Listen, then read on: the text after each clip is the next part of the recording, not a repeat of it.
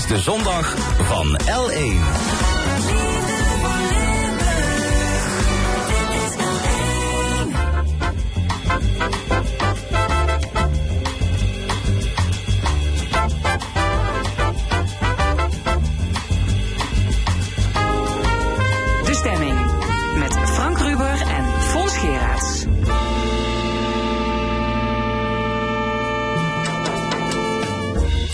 Welkom bij de stemming. Vandaag de volgende onderwerpen. De grote winst van de BBB getuigt van onvrede op het platteland. Hoe erg heeft de verschaling toegeslagen? Landschapsarchitect Erik Kaptein heeft een oplossing voor de uitstoot van broeikasgassen. Innovatie van de landbouw. En onze analist spiritualiteit Guus Prevot over de vasten en de ramadan. Nederland moet opnieuw industriepolitiek gaan voeren. Dat betoogt CDA Tweede Kamerlid Mustafa Amouche. Hij is de gast in het tweede uur samen met Ron Koenen, voorzitter van de Limburgse Werkgeversvereniging. En dan ook een column van Jos van Wersch en het panel discussiëren over de worsteling van het CDA met zichzelf en andere actuele zaken. Tot één uur is dit de stemming. De verpletterende overwinning van de boer-burgerbeweging bij de verkiezingen heeft een kloof blootgelegd. Die tussen platteland en politiek. Veel burgers in de provincie voelen zich niet vertegenwoordigd, in de steek gelaten.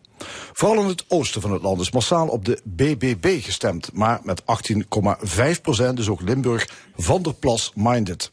Hoe groot is die onvrede op het platteland en hoe kan die kloof worden overbrugd? We gaan erover praten met twee gasten. Linda Kusters, dorpsondersteuner van IJsselstein... en Ralf Tangelder, coördinator van de vereniging Kleine Kernen Limburg. Welkom allebei. Ralf Tangelder, om te beginnen, wat doet de vereniging Kleine Kernen Limburg? We zijn een uh, vereniging van uh, ruim uh, 530, wij noemen dat bewonersinitiatieven, bewonerscollectieven. Dus dat zijn dorpsraden, gemeenschapshuisbesturen, wensbusorganisaties... Uh, mensen die op het gebied van energie of vervoer bezig zijn. het zijn altijd initiatieven die vanuit de, uh, de bewoners zelf in hun eigen dorp, buurt of wijk worden opgezet. En wij, wij proberen ze met elkaar in contact te brengen, elkaar te laten ja, te, te helpen, zeg maar. Dat de een iets bedacht heeft waar de ander iets aan heeft. Nou, dan verbind je ze met elkaar. Ja. Eigenlijk is het is jullie taak om de vitaliteit van dorpen en kleine kernen op te krikken. Op te krikken in die zin dat je ze eigenlijk uh, daarin faciliteert en stimuleert om zelf uh, aan de slag te gaan. Ja. ja. en is het niet vechten tegen de bierkaai?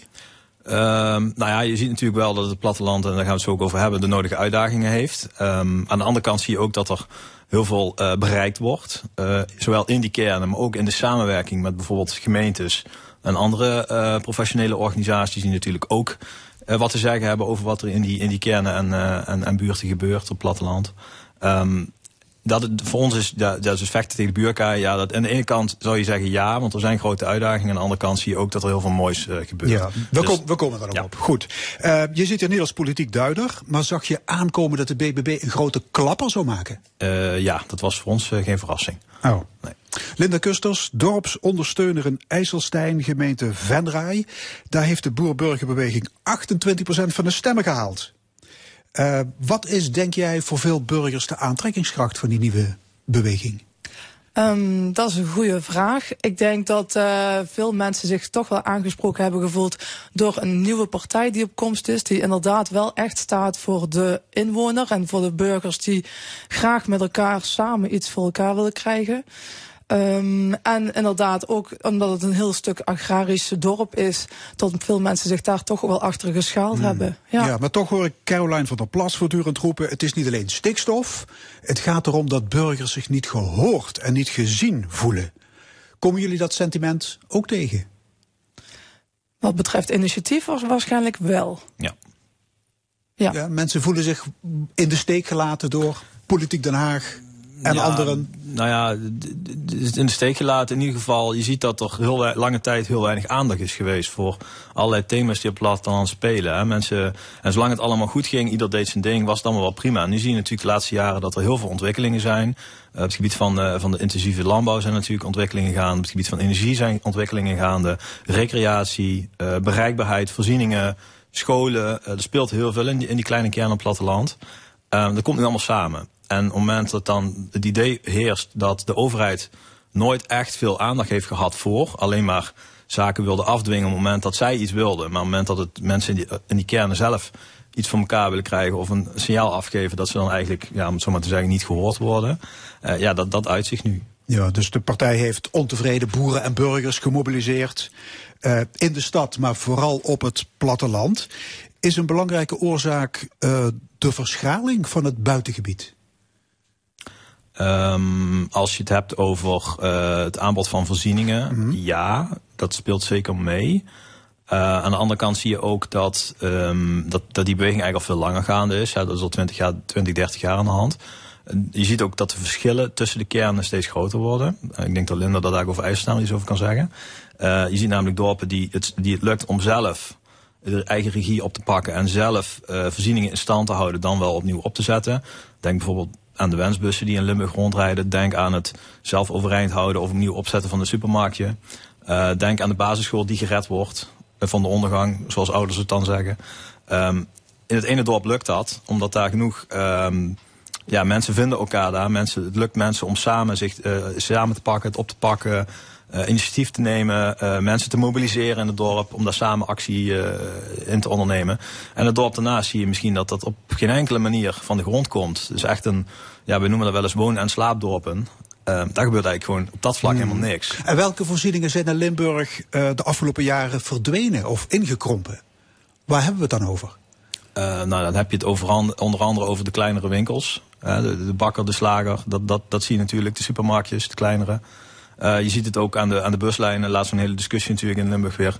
15 dorpen die, uh, um, nou, waar, de, waar, de, waar de buslijn uh, is verdwenen of de bushaltes Ja, dus ja, het aantal Limburgse dorpen zonder ook maar één bus ja. is de afgelopen vijf jaar met 15 toegenomen. Er zijn er 15, 15 bijgekomen. 15 bijgekomen. Um, moet er wel bij zeggen dat, om eerlijkheidshalve, want zo simplistisch ligt het niet. Je ziet wel dat het vooral lijnen zijn die heel sporadisch worden gebruikt. Dus je kunt ook afvragen van of die lijn dan wel aan de vraag, of dat het aanbod wat er dan is, of dat wel matcht met de vraag die er is. En vaak zie je dat dan mismatch is tussen vraag en aanbod. Linda Kusters, ja, geen bus, geen bibliotheek, geen postkantoor, geen pinautomaat. Is dat voor de inwoners van IJsselstein ook een grote plaag? Uh, nu niet meer, denk ik. Uh, we hebben in IJsselstein ook een wensbus, zoals uh, Ralf al zei. ook vanuit een burgerinitiatief opgepakt. Om te zeggen van wij willen echt zorgen dat de mensen wel mobiel kunnen zijn. En ook niet afhankelijk zijn van taxivervoer. Dus echt een wensbus door vrijwilligers gereden. En dat is gelukt. We zijn wel in samenwerking ook met een aantal andere dorpen naast ons gegaan. Um, maar voor de rest, qua voorzieningen, ja, een jaar of tien geleden hebben ze in het dorp het zorghuis opgezet. Een kleinschalig wonenvorm met zorg. Mensen met dementie kunnen daar wonen. Dus mensen die in het dorp heel graag in het dorp willen blijven wonen, waarvan de partner bijvoorbeeld dementie heeft, kunnen heel dichtbij de partner blijven wonen. En zelfs ja, samen kunnen wonen in ja, het dus zorghuis. je moet zelf actie ondernemen, want anders staat de leefbaarheid onder druk, om het maar eens chic te zeggen. Ja. Maar dat was tien jaar geleden ook al zo. Klopt. Um, gaat die kaalslag dan maar door? Of hebben we het ergste achter de rug? Hoe zit dat? Uh, nou ja, de vraag is natuurlijk hoe ver uh, kun en wil je met elkaar zakken hè, qua basisniveau van voorzieningen. Um, en de politieke discussie die nu gaat spelen, of die speelt eigenlijk al, die wordt alleen maar sterker, is dus dat in dorpen zoals IJsselstein het, men het gelukt is om het zelf op te pakken. De vraag is natuurlijk, kun je het in stand houden? Want daar zal de overheid en wellicht anderen ook wel in moeten faciliteren om dat overeind te kunnen houden. Um, maar je ziet dus ook uh, kernen waar dus niks, niks meer gebeurt, waar dat voorzieningenniveau alleen maar verder verschaalt. Nou ben je dan bereid om daar fors in te investeren? Ja. Of zeg je gewoon, nee, we accepteren dat er gewoon verschillen gaan ja, ontstaan? Maar, maar dorpen waar niks gebeurt, die zijn niet aantrekkelijk door de bank genomen om in te wonen. Dus uh, dat betekent leegloop? Nou ja, dorpen waar niks gebeurt, dat ligt er een beetje aan natuurlijk uh, uh, wat je zoekt als, als, als, als woningzoeker. Hè? Zoek jij gewoon een, een, rustige landelijke omgeving om lekker rustig te kunnen wonen? ben je gepensioneerd bijvoorbeeld, dan vind je het gewoon prima om lekker rustig met een grote tuin, et cetera, je ding te doen. Of woon je, hè, heb je zoiets van, ik, ik ben binnen een half uurtje ben ik in de stad, want het, het dorp ligt vlak bij de snelweg. En in de stad, daar werk ik, maar daar heb ik ook mijn vrienden, daar heb ik eigenlijk alles zitten wat ik, wat ik zoek. Ik zoek alleen een hele rustige plek om, om betaalbaar te kunnen wonen. Ja, die mensen gaan zich ook niet heel hard inzetten. Nee, oké, okay, maar dat lijkt me een kleine minderheid, mensen die zo... Nou ja, goed, je ziet wel dat, dat, dat de, de, de, uh, die verschillen nemen wel toe. Ja. ja. Maar als ondernemers in een dorp niks kunnen verdienen... Uh, ja, dan stoppen ze met hun winkel en met hun café en met het bankfiliaal. Dat, dat kun je ze niet kwalijk nemen, toch? Nee. Dat snap ik ook. En u merkt het ook wel uh, dat uh, wij hebben nog wel een eigen supermarkt en een eigen bakker. Uh, en soms dan stimuleer je ook de mensen van maak ook gebruik van deze ondernemers. En zo heb je natuurlijk onder, ook ondernemers die gewoon baat erbij hebben dat bijvoorbeeld een dorp groeit. Hè? Dus dat er woningbouw plaatsvindt en dat eigen ondernemers daar ook een, een deel in kunnen participeren. Ja. ja. Aan de andere kant, als je het hebt over de bibliotheek en het gemeenschapshuis en de bus, dat zijn publieke voorzieningen. Is er ook, Ralf Tangelder, sprake van een terugtredende overheid op die domeinen? Um, ja, maar bij, bij een gemeenschapshuis moet ik ook een directe kanttekening plaatsen. Het zijn publieke voorzieningen, maar het zijn vaak, vaak wel voorzieningen die van oorsprong door de mensen in het dorp zelf zijn opgezet. Uh, we kennen natuurlijk uit de jaren 60 al de patronaatsgebouwen. Uh, dat waren vaak ook de eerste ja, zalen, gemeenschapsvoorzieningen voor de verenigingen. Vaak door het dorp zelf gebouwd, later door de overheid overgenomen, omdat de overheid zei van nou weet je wat, uh, wij regelen dat wel voor jullie. Uh, hè, dat, dat moeten wij als overheid gewoon faciliteren. Nou, je ziet natuurlijk vanaf eind jaren 80, begin jaren 90 zien een, een, een, tegen, een tegenoverkerende uh, ontwikkeling. Tegenovergesteld uh, dat de overheid weer aan het afstoten gaat en het kleiner worden is. Dan zie je dus ook dat het dorp dus eigenlijk uitgedaagd wordt van wil je dan je voorzieningen weer zelf overnemen. Nou, soms lukt dat, maar ook soms lukt dat niet. Ja, maar de overheid kan er ook zelf voor kiezen om dat voorzieningenniveau in stand te houden. Uh, dat, dat, daar kan ze voor kiezen, ja, dat ja. klopt.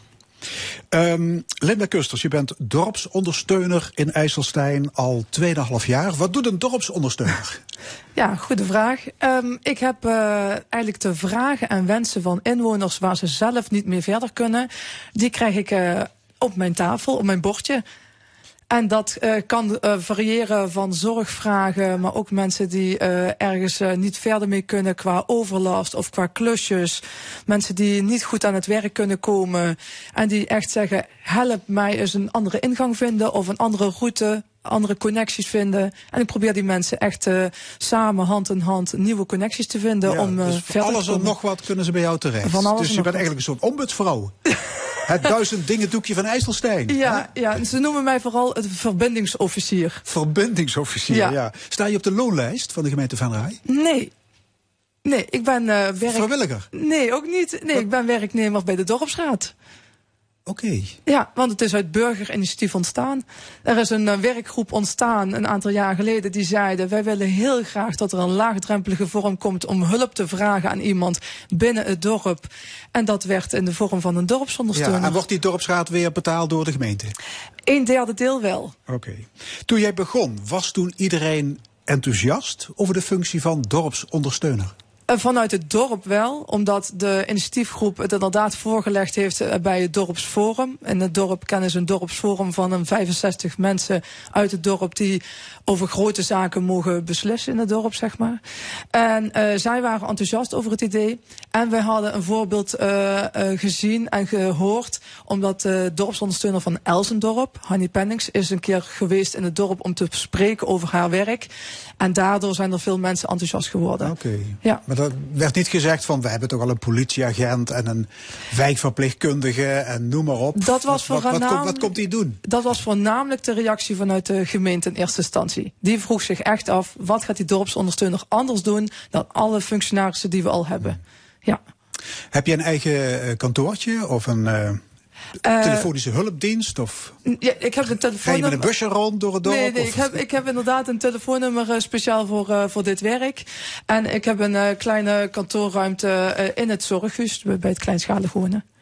Ralf Tangelder, heb ik het goed dat de vereniging Kleine Kernen Limburg dit initiatief van harte ondersteunt? Uh, ja, en zelfs wil uitrollen naar de rest nou, van de provincie? Uit, uitrollen is dan weer een groot woord. Um, ondersteunen van harte, ja. Uh, we zien natuurlijk dat uh, naar Brabants voorbeeld er in Noord-Limburg steeds meer gemeentes dorpsondersteuners aan de slag gaan. Um, uitrollen nee, uh, want dan kom je weer bij de voorwaarden waaronder dit werkt. Het dorp moet het zelf willen, het dorp moet er klaar voor zijn en de gemeente moet het op de een of andere manier wel faciliteren. Hmm. Maar ieder dorp zou dat toch willen, zo'n functie? Uh, ja, maar tussen willen en realiseren, dat is nog wel een verschil. Ja. Linda, je bent aangesteld voor drie jaar. Ja. Die termijn zit er bijna op. Ja. ja, de slager mag zijn eigen vlees niet keuren, maar ik vraag het toch. Heeft de dorpsondersteuner een meerwaarde? Ja, ik vind van wel. En ik merk het ook aan de mensen die, ik geholpen heb. En de mensen waarmee ik samenwerk. Want ook professionals weten me ondertussen te vinden. En ik vind voornamelijk de meerwaarde in mijn functie is dat een bepaalde um, vraag die er is vanuit de inwoner, waar die echt niet verder mee kan, zeg maar, die, ja, die probeer ik echt wel te helpen en die kan ik ook vaak ook helpen. En dan heb ik het echt over zaken waarvan uh, een stukje sociaal netwerk opbouwen is. Dat uh, lukt een WMO-consulent lukt dat niet, of een wijkverpleegkundige lukt dat niet, omdat dat sociaal netwerk zo dicht in de buurt van die persoon moet zijn.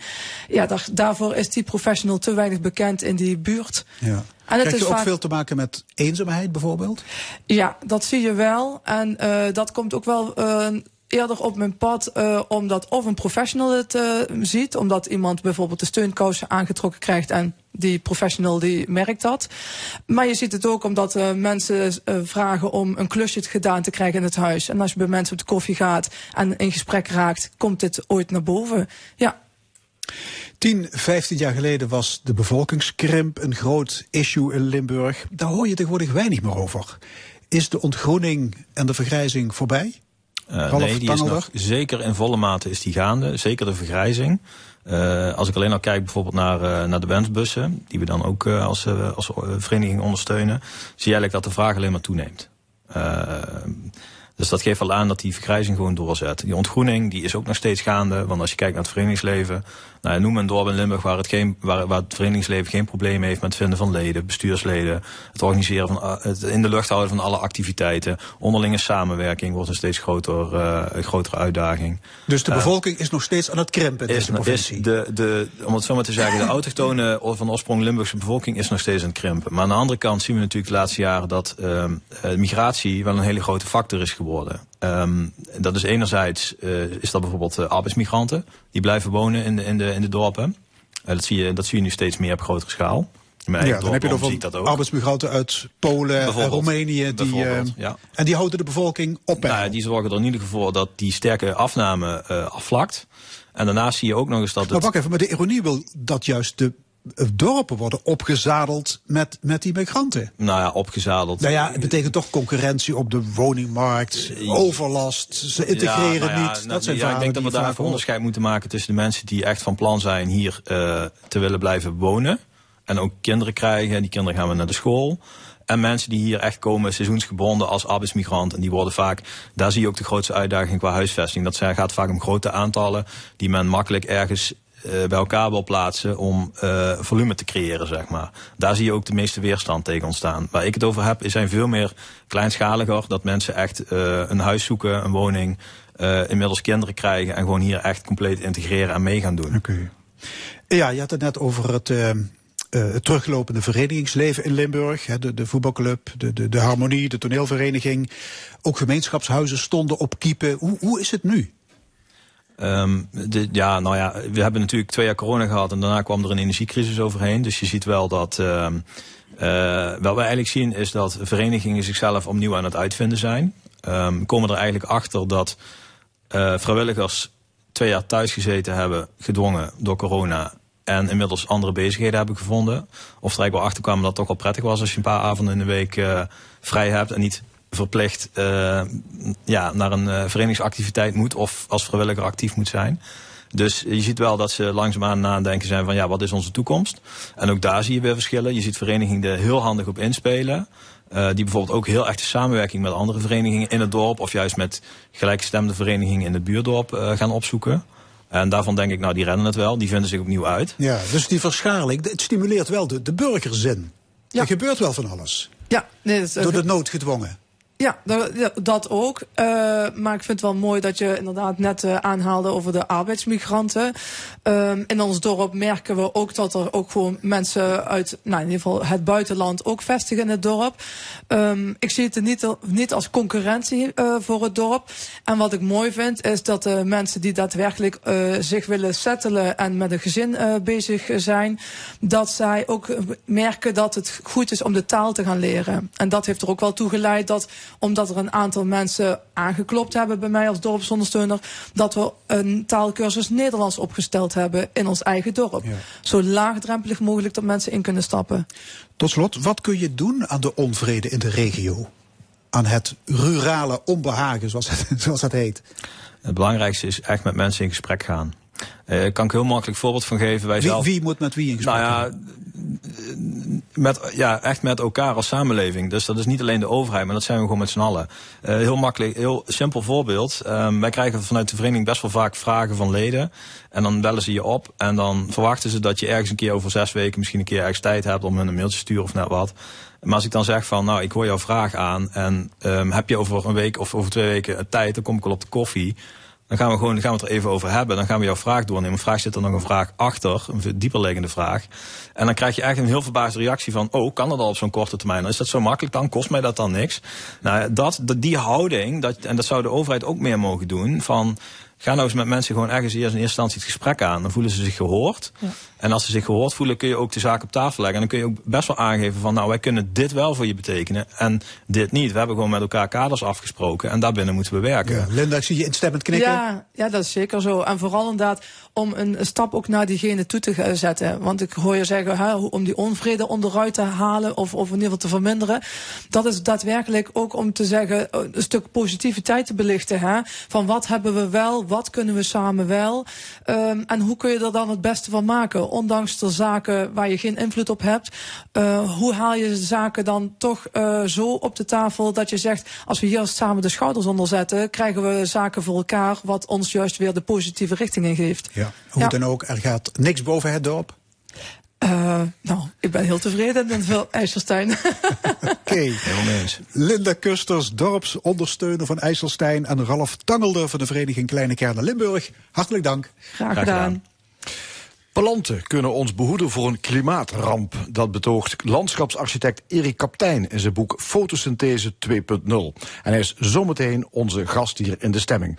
Maar eerst Parter met een nummer geïnspireerd door de Keutenberg, Cayuta Hill.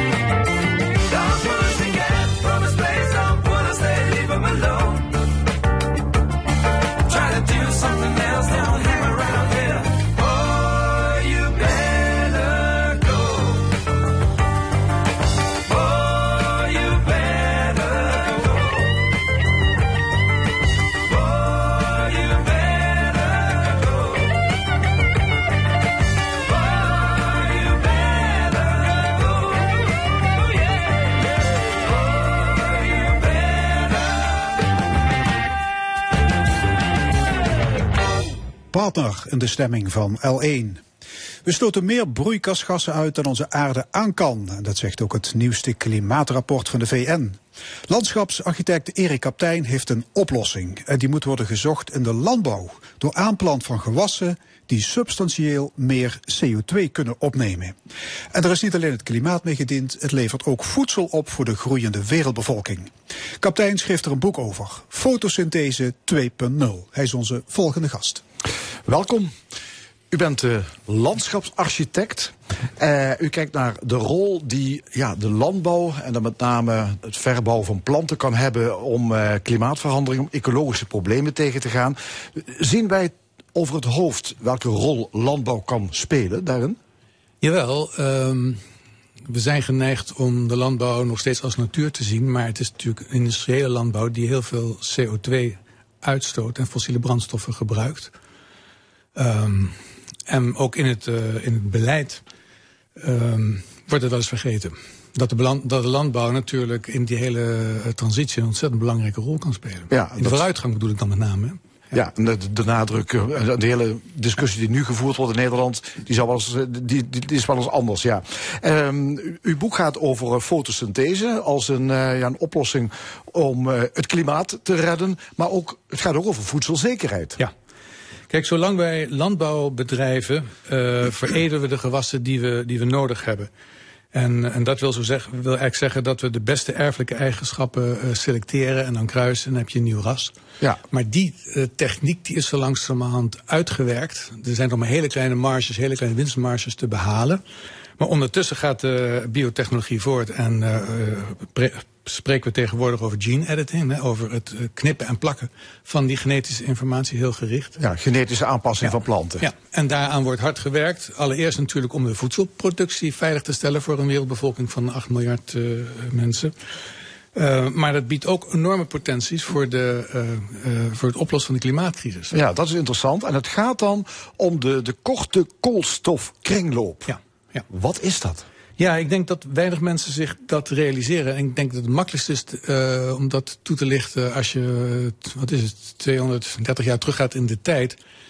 Uh, tijdens de industrialisatie zijn we langzamerhand steenkool gaan gebruiken voor uh, stoommachines, olie en, en, gas. Voor al, al onze technieken. Dat heeft een geweldige vooruitgang teweeggebracht. 8 miljard mensen, en toen waren nog maar 1, 1 miljard.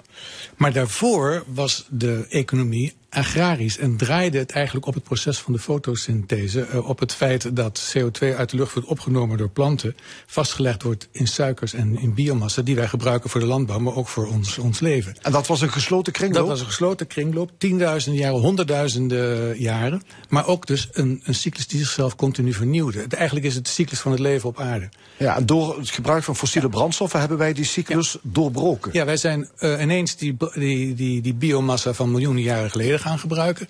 Dat leidde ertoe dat de wereldbevolking in 150 jaar groeide van 1 miljard naar, naar 8 miljard nu. En als je nu oppast, uh, 10 miljard aan het einde uh, van deze eeuw.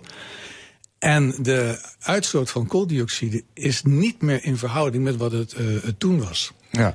En, en, dus... en, dat kennen we nu dan als, als broeikasgas, maar het is natuurlijk veel erger dat, dat de, um, ja, de, de, natuurlijke vernieuwing of de cyclus of de opname van CO2 uit de atmosfeer lang niet meer uh, toereikend is. Nee, wij, wij zouden dus meer CO2 moeten kunnen opvangen. Ja. En dat kan dus door middel van ja. planten. Ja, de enige mogelijkheid die nog. Ja, planten zijn sowieso de enige die dat kunnen. Hè. Als we daar de techniek voor inzetten, dan praat je over fossiele energie die zelf ook CO2 uitstoot. En wat men ook niet weet, is dat de concentratie van kooldioxide in de atmosfeer buitengewoon laag is. Het gaat om 0,028 procent. Dus je kunt het chemisch er helemaal niet uithalen. Nee. Planten kunnen dat wel heel goed. Groene planten, ook de planten in, uh, in zee. Maar onze fossiele economie leidt tot verstedelijking, ontbossing, woestijnvorming, uh, uh, klimaatcrisis. En we hebben het niet in de gaten dat dat natuurlijk vermogen om CO2 op natuurlijke wijze uit de atmosfeer te halen de natuurlijke klimaatbuffer die we hebben, uh, dat dat uh, op uh, ernstige wijze tekort schiet. Ja, en u zegt dus het zou wel kunnen met planten, maar dan moet je op een andere manier planten Precies. gaan. Ja, ik ja. noem het dan kweken, maar ja. dat is dan geen kweken meer. Nee, als je zegt we moeten terug naar, naar de, de landbouweconomie, zal iedereen zeggen ja, dat, dat, dat kan niet. Maar je kunt natuurlijk wel weer terug naar een natuurlijke cyclus, naar een, een bio-economie. door die groene motor uh, op te voeren. En nou komt het. Planten zijn uh, historisch uh, zodanig ontwikkeld dat ze maar 1% van de zonne-energie die op hun valt benutten. En waarom zouden ze ook meer? Ze doen het voor zichzelf. Hè? Ze maken suikers en biomassa. Die 1% die kan met moderne teelttechnieken makkelijk 2% worden. Het kan ook 5, het kan ook 10, het kan ook 15% worden. En dan praat je niet alleen over het oplossen van de wereldvoedselproblematiek, maar je praat ook over substantieel de atmosfeer ontlasten van veel te veel kooldioxide die er nu in zit. Ja, en dan, maar dat kan dus niet meer op de gewone manier van plantjes kweken. Je moet dan, zegt u, naar genetische modificatie toe. Frans Timmerman wil graag bossen aanplanten. Wel nu, 9 miljard hectare uh, is nodig om, het, om, om enigszins weer uh, uh, dat weg te nemen... wat we de afgelopen 150 jaar in die atmosfeer hebben gestoten. En bos aanplanten wil zeggen dat je de, de grondwaarde van, van uh, woningbouw, uh, bedrijventerrein, de landbouw terugbrengt naar nul. Want bossen hebben uh, de grondwaarde is nul. Dus dat is een onmogelijke actie. Wat je wel kon doen, is al die onlanden en woestijngebieden van planten voorzien die zeer snel en zeer goed, goed, groeien, omdat ze daartoe zijn toegerust hè, door die ja, CRISPR-Cas-techniek. En daar dus CO2 opnemen. Dan nog kun je natuurlijk zeggen, ja, als je dat verbrandt, dan breng je weer CO2 in de atmosfeer. Dus het is beter, maar je kunt ook van uh, um, um, olifantengras, van uh, allerlei gewassen die, die, die heel snel en goed koolstof vastleggen biobouwmaterialen maken. En dan ligt het voor 50 of voor 100 jaar vast. Dan maak je er geluidswanden van, scheidingswanden, uh, asfalt, grasveld heet dat. Ja. En dan, dan ben je goed bezig. Ja, het is een pleidooi dus om meer planten aan te, ja, aan te planten. Hè, om ja. uh, akkerland, meer grond in akkerland om te zetten, planten. En dat haalt dan CO2 uit de lucht. Uh, u besteedt weinig aandacht aan de eventuele gevaren van genetische aanpassing. Heel veel burgers zijn toch wel bezorgd over het geknutsel aan DNA-eigenschappen van planten. Zeker, en, en ik wist ook niet beter toen ik hier aan uh, begon. Maar toen ik dus in Wageningen ben gaan praten, want dit is niet mijn expertise, dit is heel duidelijk de Wageningse expertise, zeiden ze. Uh, nou, allereerst, uh, met corona hebben we die CRISPR-Cas-technieken gebruikt om het vaccin te maken in een half jaar tijd. En het is wereldwijd toegepast en het blijkt veilig. Dus, dus, de maatschappelijke acceptatie die kan beginnen. Het gebeurt ook al in China en Amerika. Maar ik begrijp dat iedereen denkt van ja, gaan we dat nou ook nog doen daar aan, knutselen. Maar het is buitengewoon efficiënt uh, het is uh, in, in dat opzicht ook uh, veilig en zeer nauwkeurig. En de ramp die we ermee moeten bestrijden, die ligt er natuurlijk ook niet, niet om. Dus het is een kwestie van, van keuzes maken. Wat we met corona heel snel en makkelijk blijkbaar deden en, en konden. Dus het is nu een kwestie van maatschappelijke acceptatie en politiek bewustzijn. Want die mensen in Wageningen die doen een stinkende best. Maar in Amerika uh, werken Wageningse studenten met uh, Bill Gates en Melinda Foundation. En, en hebben buitengewoon veel succes. En, en wij zijn er als tweede landbouwnatie ter wereld nog niet eens mee bezig. Ja, nou kun je ook iets anders zeggen. Uh, door bijvoorbeeld in te zetten op meer planten, uh, genetische aanpassing van gewassen die meer CO2 gaan opnemen, neem je de oorzaak van klimaatverandering natuurlijk niet weg. Hè? We, we, kunnen dan ook zeggen, nou dan kunnen we rustig doorgaan met fossiele energie uit te blijven stoten, want die planten die gaan het dan wel oplossen. Ja, maar is dat niet een heel gevaarlijke redenering? Nog gevaarlijker is als wij straks een, uh, een kernfusiereactor uh, bouwen of andere uh, alternatieven vinden en dan ook doorgaan met deze lifestyle en dat de natuurlijke koolstofkringloop dan helemaal wordt, wordt veronachtzaam. Kijk, het, uh, het, is namelijk niet alleen het klimaat, niet alleen kooldioxide te veel uh, in de zin van een broeikasgas, maar het is ook nog een keer dat de fossiele brandstoffen schaarser en duurder uh, worden en dat daarmee de voedselproductie duurder wordt. Dat de landbouw nog meer grond nodig heeft en de biodiversiteit bedreigd wordt omdat we meer grond en water en natuurlijke hulpbronnen daarvoor gebruiken. Dus die fotosynthese is is een, is een kern proces. En door daarop te focussen pak je eigenlijk uh, drie problemen in één keer. Ja, en je zou dus op die manier zelfs ja. wel CO2 uit, meer ja. uit de ja. atmosfeer kunnen halen dan we uitstoten. En beter en veiliger voedsel en meer ruimte die overblijft voor de natuur. Kijk, natuurminnaars zeggen van wat ga je nu doen? Ga je sleutelen aan de natuur? Dit is nog de enige manier om natuur over te houden op deze wereld met al die woestijnvorming en verstedelijking. Want dat is ook wat... Uh, het bestuursvoorzitter Louise Fresco zegt... alleen door de landbouw efficiënter te maken kun je natuur ontzien. Ook in ook in aantallen gro- eh, hectares grond. In, die- in ruimte, maar ook in het gebruik van natuurlijke hulpmiddelen. Want eh, wij willen graag vruchtbare grond, schoon water. En, eh, en, eh, maar dat willen, dat willen de dieren natuurlijk ook. Dus we zitten, Ja. we zitten altijd in de weg. Ja, op dit moment hebben de boeren, zeker in Nederland, de indruk dat ze in de hoek zitten waar de klappen vallen. U pleit voor een, een nieuwe een herwaardering van de boer? We kunnen geen enkele boer missen. We kunnen geen enkele boer missen om deze transitie in, in gang te zetten. En het, ik ben geen boer, maar ik kan me voorstellen dat ze het zo langzamerhand ook beu, beu Maar ze zijn. moeten er wel olifantengras gaan planten en geen melkkoeien meer houden. Nee, ze kunnen natuurlijk ook akkerbouw en landbouw gaan doen op de plekken waar dat eh, eh, kan. Maar wel in een gesloten cyclus. Dus wel kringlooplandbouw of, of koolstoflandbouw. Of biologische eh, landbouw. En dat kan als de consument eh, eh, dat wil. Dan hebben we niet eens de politiek nodig. Als mensen gewoon goede producten kopen, gezonde producten kopen, die op een verantwoorde manier zijn geproduceerd, dan kan de boer daarvan leven. En dan hebben wij eh, eh, goed voedsel. Want nou komt het, wij betalen als belastingbetaler eh, alle kosten die dat goedkope eh, eh, kipfiletje eh, of varkenslapje kost. Ja, maar u, weet, de consument die stemt met zijn portemonnee, hè? Ja, maar hij betaalt als belastingbetaler nu 128 miljard om de stikstofproblematiek op te lossen. En het wordt nog veel meer. Ja. Waarom is er politiek geen aandacht voor de omschakeling naar dit soort landbouw zoals u voorstaat? Want dit is, bij, dit is in Wageningen dus bekend, hè, aan de universiteit. Eh, meer inzetten op eh, planten. eh, En ja, dan kun je dat fotosyntheseproces kun je beïnvloeden en CO2 uit de lucht halen. Politiek hoor ik daar niemand over. Nee, Wageningen heeft heel erg zijn best gedaan. Ze hebben het ministerie en de regering en, en de, de ambtenaren uit de EU meegenomen. Maar ze werden elke keer gepasseerd door Frankrijk die Macron inzette. Uh, blijkbaar vindt de Nederlandse regering dat de markt dit moet doen. Uh, of willen ze uh, niet vooruit lopen. Maar we zijn het aan onszelf verplicht als tweede landbouwnatie ter wereld. Om hiermee vooruit te lopen. Wat als Nederland hierop zou gaan inzetten, zou dat wereldwijd Wellicht gevolgen ja. kunnen hebben. Kijk, als je ziet dat Amerika de tweede is. En als je dan de oppervlakte van Nederland projecteert in Amerika, dan is het een heel klein stipje.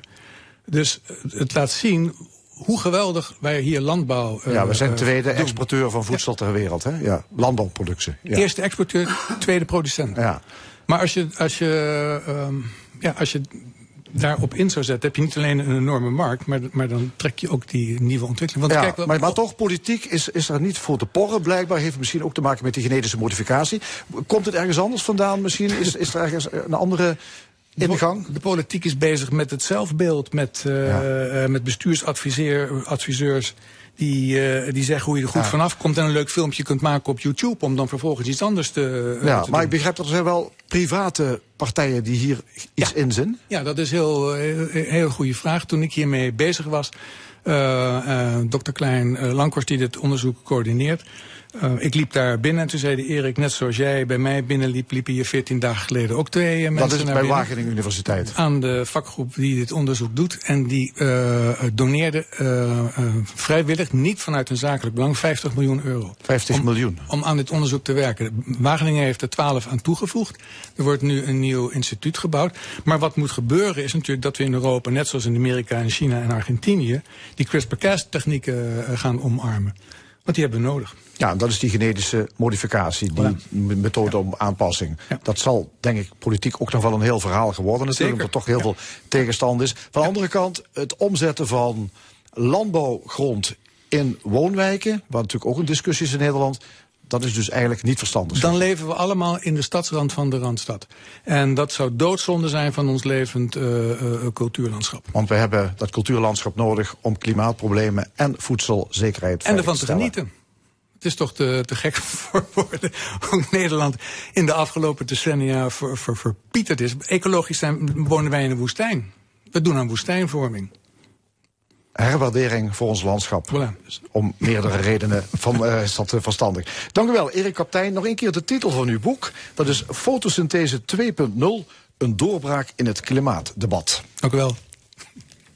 Zometeen in de stemming. Guus Privot, onze analist spiritualiteit. Hij gaat het hebben over de christelijke en islamitische onthouding. Want we zitten zowel in de vaste tijd als in de ramadan.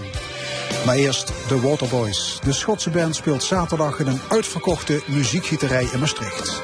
The Hall of the Moon.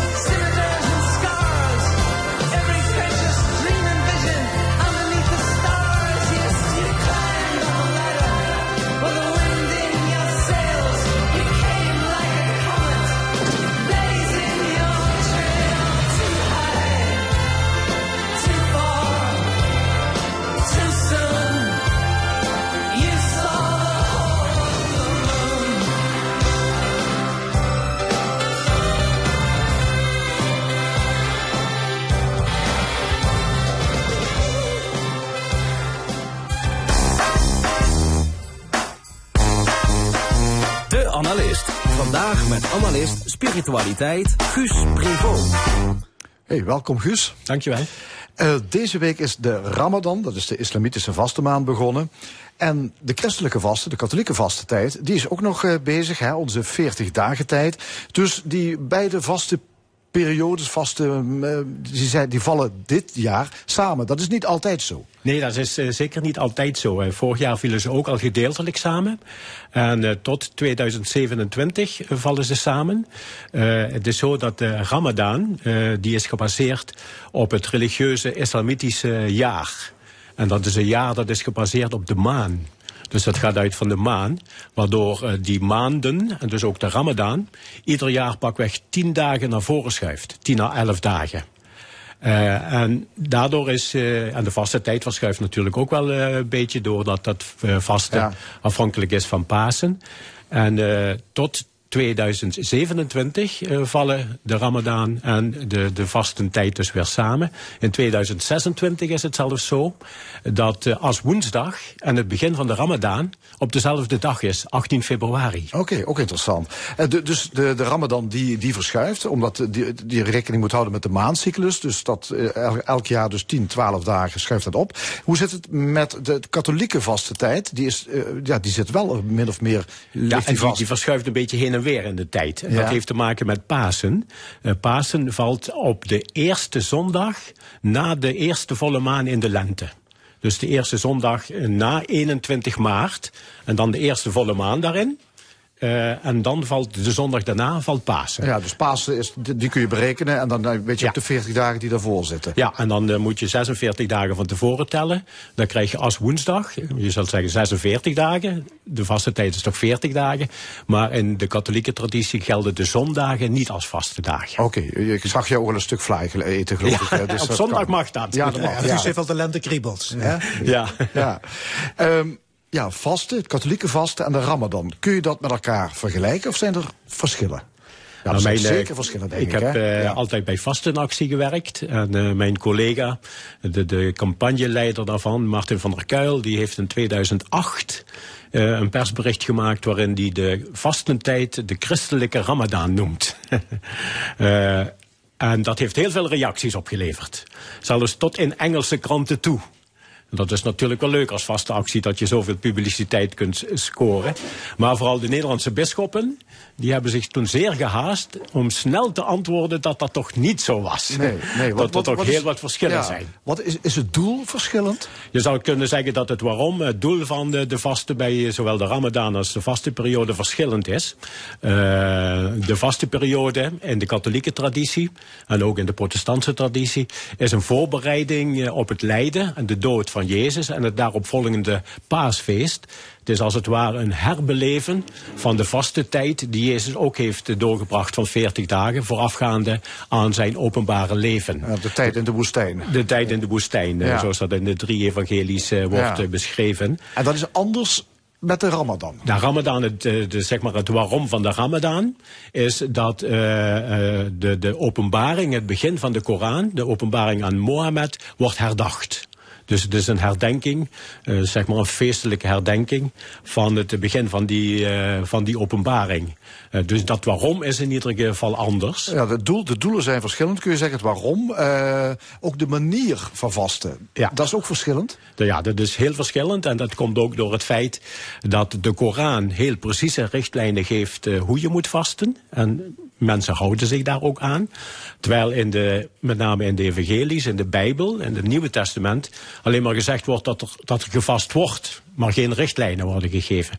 En uh, dus bij, het, uh, bij de islam, bij de islamieten, zie je dat er uh, van zonsopgang tot zonsondergang niet gegeten mag worden. geen seks, niet gedronken, dat kan uh, op lange dagen heel moeilijk zijn, hè, want water ja. heb je toch nodig. Uh, je mag niet vloeken, je mag niet roken. Kortom, je mag niks oneerbaars doen. Uh, en ja, s'avonds wordt dat vaste dan verbroken met de iftarmaaltijd, waardoor het ook, denk ik, veel meer dan binnen de katholieken een soort gemeenschapsgebeuren is. Terwijl als je kijkt naar het katholieke vasten, de officiële richtlijnen daarvan uh, hebben de bisschoppen in de jaren 70 of 80 ergens vastgelegd. Die wordt gewoon overgelaten aan het geweten van de individuele gelovigen. Je mag zelf doen als gelovige wat je wil of niet wat je doet met vasten. En eigenlijk zijn er binnen de katholieke kerk maar twee officiële vaste dagen. Dan word je bijvoorbeeld geacht geen vlees te eten. Dat is als woensdag en Goede Vrijdag. Ja, en verder mag je het zelf naar believen invullen. Of Ja. niet. Ja, oké. Er Of zijn niet. verschillen. Het doel, de doelen zijn ook verschillend. Zijn, zijn er ook nog overeenkomsten tussen het katholieke vasten en de ramadan? Ja, ik denk dat er best heel wat overeenkomsten zijn. eh, met name ook in de uitwerking eh, ervan. Want als je een tijdje minder eet, als je een tijdje minder eh, eh, je met andere dingen bezighoudt. ja, kom je toch op het spoor van de dingen waar je min of meer, misschien onbewust, verslaafd aan bent. Of eh, het, zeg maar, het klak- klakkeloos gebruiken van dingen. En ja, dan kun je dat heroverwegen van eh, hoe ga ik daarmee om. Eh, je, je, wordt geduldiger. Zowel binnen het katholieke vast als bij de ramadan. Eh, je wordt je meer bewust van je eigen daden en van je eigen doen en laten, zeg maar. Je wordt je meer bewust van je, misschien wel van je eigen identiteit. Je wordt je ook meer bewust, en dat, dat zou je alomvattend kunnen zeggen, eh, van de broosheid van het leven. Ja. En dat ook je eigen leven heel broos is. Ja, en, dat je daarmee om moet gaan, natuurlijk. ja, en ook misschien de solidariteit met mensen om je heen. Zeker, zeker. En dat zie je zeker binnen het katholieke vasten en in toenemende mate nu ook binnen eh, ehm, de Ramadan. Eh, de Ramadan was sowieso altijd al de traditie van het geven van aalmoezen, de zogenaamde zakat. Eh, in de katholieke traditie heb je de vastenactie sinds de jaren 60, die door bischop Al- kardinaal Alfrink is opgericht. En je ziet binnen beide vastenperiodes ook steeds meer aandacht voor het milieu. We hadden het straks over fotosynthese en noem maar op. Dat eh, zeg maar het planten van bomen, eh, moslims wordt ook aangeraden door sommigen, plant een boom als een invulling van, van de Ramadan. Ja, dan ben je weer helemaal bij deze tijd. Ja. Ja, ja. Eh, ik heb de indruk dat moslims inderdaad massaal, collectief ook echt aan die ramadan doen. En bij katholieken heb ik dat de, zeker toch de laatste decennia wel wat minder. Nou, die indruk eh, die, die klopt ook, denk ik. Ehm, bij eh, de islam, ja, het is een van de vijf zuilen van de islam. En eh, zeker in Nederland eh, is het zo dat, tenminste de moslims die ik ken, en mijn dochter werkt nogal vaak met veel moslims samen, die doen massaal aan Ramadan. Het is dus echt een gemeenschapsgebeuren. Zeker de, de iftar-maaltijd, het breken van de, de maaltijd s s'avonds bij, bij zonsondergang. Overigens, die maaltijd die komt nogal veel in het nieuws. En die is over het algemeen lang niet zo uitgebreid als de media ons wel willen doen geloven. Dus in die zin vasten, eh, breken heel veel moslims die, die, die iftar maaltijd met een gewone normale maaltijd. Een glas melk en wat fruit, zoals Mohammed eh, eh, dat deed. Ehm, als je kijkt naar aantallen. We hebben ongeveer 1 miljoen moslims in Nederland. Uh, stel er even de kinderen vanaf, want die hoeven niet te. Uh, dan kom je misschien op 800.000 mensen die vasten. Als je naar de katholieken kijkt, we hebben afgerond zo'n kleine 4 miljoen katholieken in Nederland. Uit onderzoek blijkt dat toch 20 tot 30 procent daarvan vast. Nou, als je dat kijkt op 4 miljoen, dan zit je toch ook rond die 800.000, 900.000. Dus qua aantal is het hetzelfde. Ja, alleen het, het, krijgt misschien wat minder aandacht, omdat het ook niet zo aanwezig is, omdat het veel individueler beleefd ja. wordt onder katholieken. Ja. Uh, want uh, hoe geven katholieken dat vaste anno 2023 dan vorm? Het is een, hele waaier van, van, van vormgevingen uh, die uh, katholieken dat geven. Ik denk dat je moet kijken dat je een manier van vasten kiest die goed voor jezelf is, goed voor je medemensen en goed voor de hele wereld om ons heen. Uh, een hele goede manier van vasten, denk ik, en dat sluit ook aan bij de vorige spreker die hier zat, is dat je je afvraagt van wat heb ik nodig? Heb ik die nieuwe jas nodig? Heb ik dat nodig? En dat je je daarbij ook altijd afvraagt, uh, uh, ik koop niet zomaar iets in de supermarkt. ik koop van iemand. En dat zou misschien een beetje kunnen doorbreken dat we alleen maar kiezen met onze portefeuille. Dat zou ook uh, aanleiding kunnen geven, zoals de katholieke kerk overigens dat in de paus Benedictus XVI heeft gegeven. Je moet niet alleen kijken naar de kwaliteit en de prijs van een product, maar ook naar de sociale omstandigheden waaronder het gemaakt is en naar het milieubeslag. Als je de, die vier dingen doet, ben je op een goede katholieke, maar ook op een goede islamitische manier bezig. Om inhoud te geven aan je vasten. Ja, dan... En daarnaast is het dan in een hele waaier. Geen alcohol drinken. Uh, sommige mensen rijden geen auto hele goede manier. Is goed voor jezelf. Ja, autovasten. Autovast is goed Ja. voor jezelf. Ja. Eh, is goed voor je medemensen. En is goed voor de wereld om ons heen. Ja.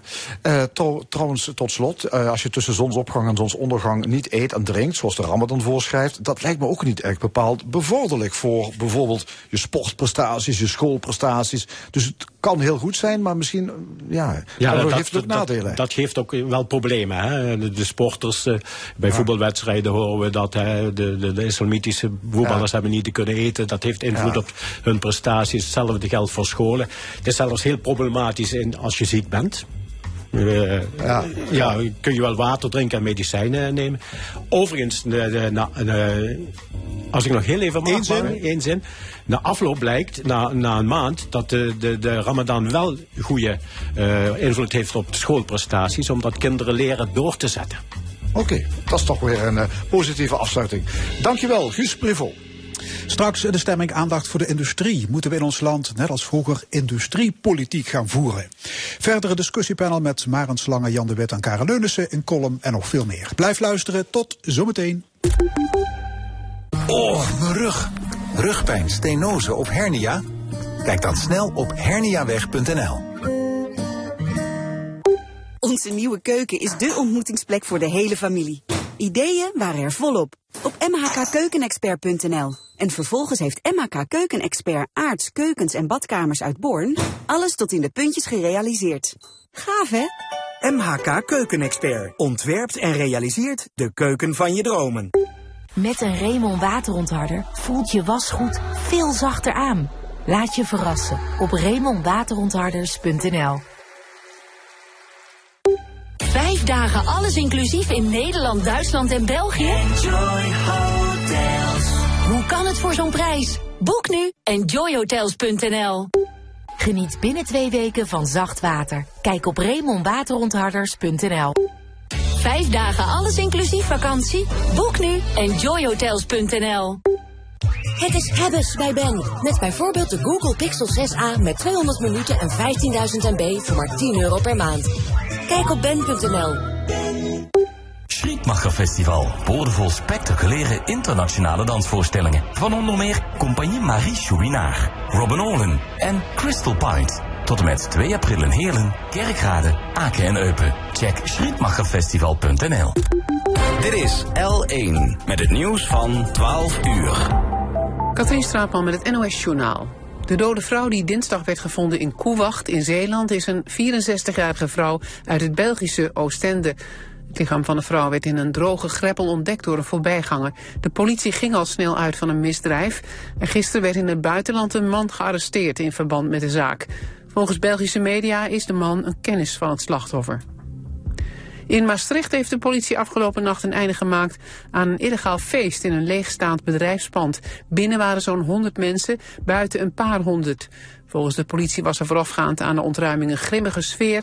En nadat het feest rond twee uur was opgerold, werd er met flessen gegooid. Bij de charge die agenten vervolgens uitvoerden, raakten twee mensen gewond.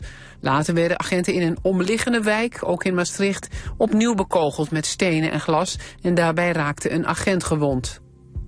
Voor de kust van Tunesië is opnieuw een boot met migranten gekapseist. Zeker 19 mensen zouden zijn verdronken.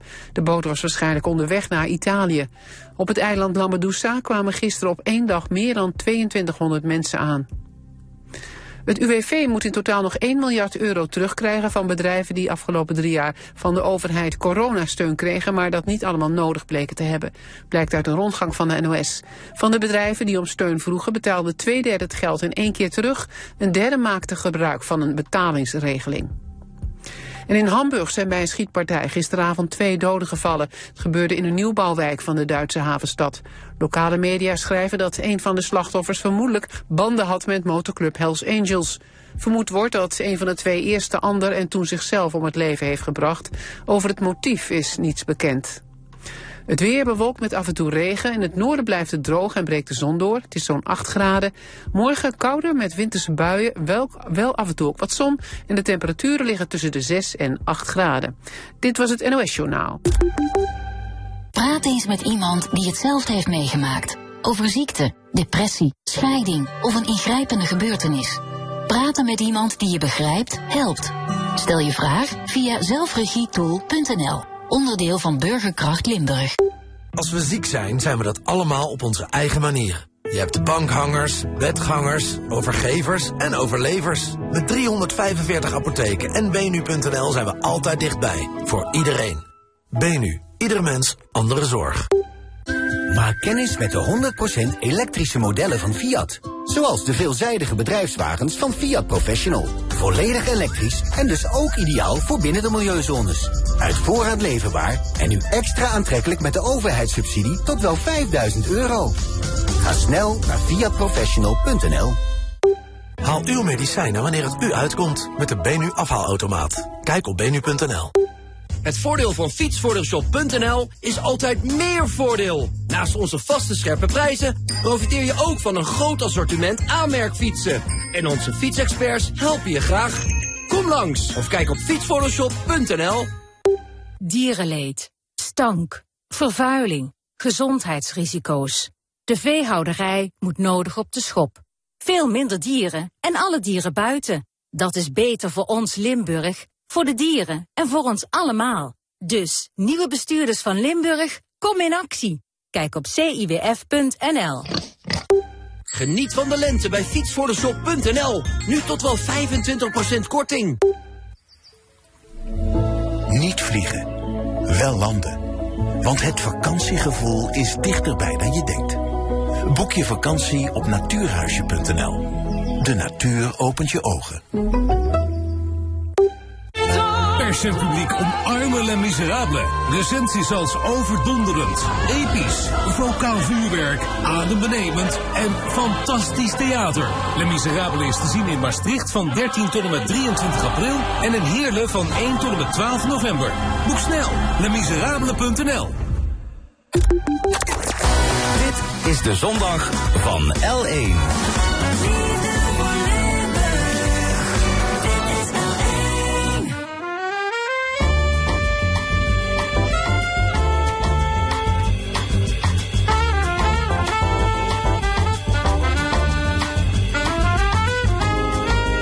De stemming.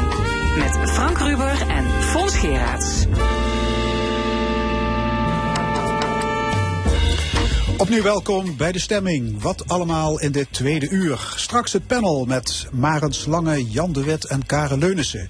Zij discussiëren over het tellen van de waterschapsstemmen dat niet helemaal goed ging en andere actuele zaken. Een column van Jos van Wersch over de nieuwe burgemeester van Maastricht. Maar eerst de industrie. Het Limburgse CDA Tweede Kamerlid Mustafa Amouche wil een herwaardering van de Nederlandse maakindustrie. Hij schreef een notitie, zeg maar een aanvalsplan, waarin hij pleit voor een nieuwe industriepolitiek. Want, zegt hij, de industrie moet over de volle breedte worden ondersteund. Anders hebben we straks geen fabriek meer over. Mustafa Amouche is hier en ook Ron Koenen en hij is voorzitter van de LWV. Dat is de Limburgse Werkgeversvereniging. Heren, welkom. Goedemorgen. Meneer Maus, waarom bent u zo bezorgd over onze industrie?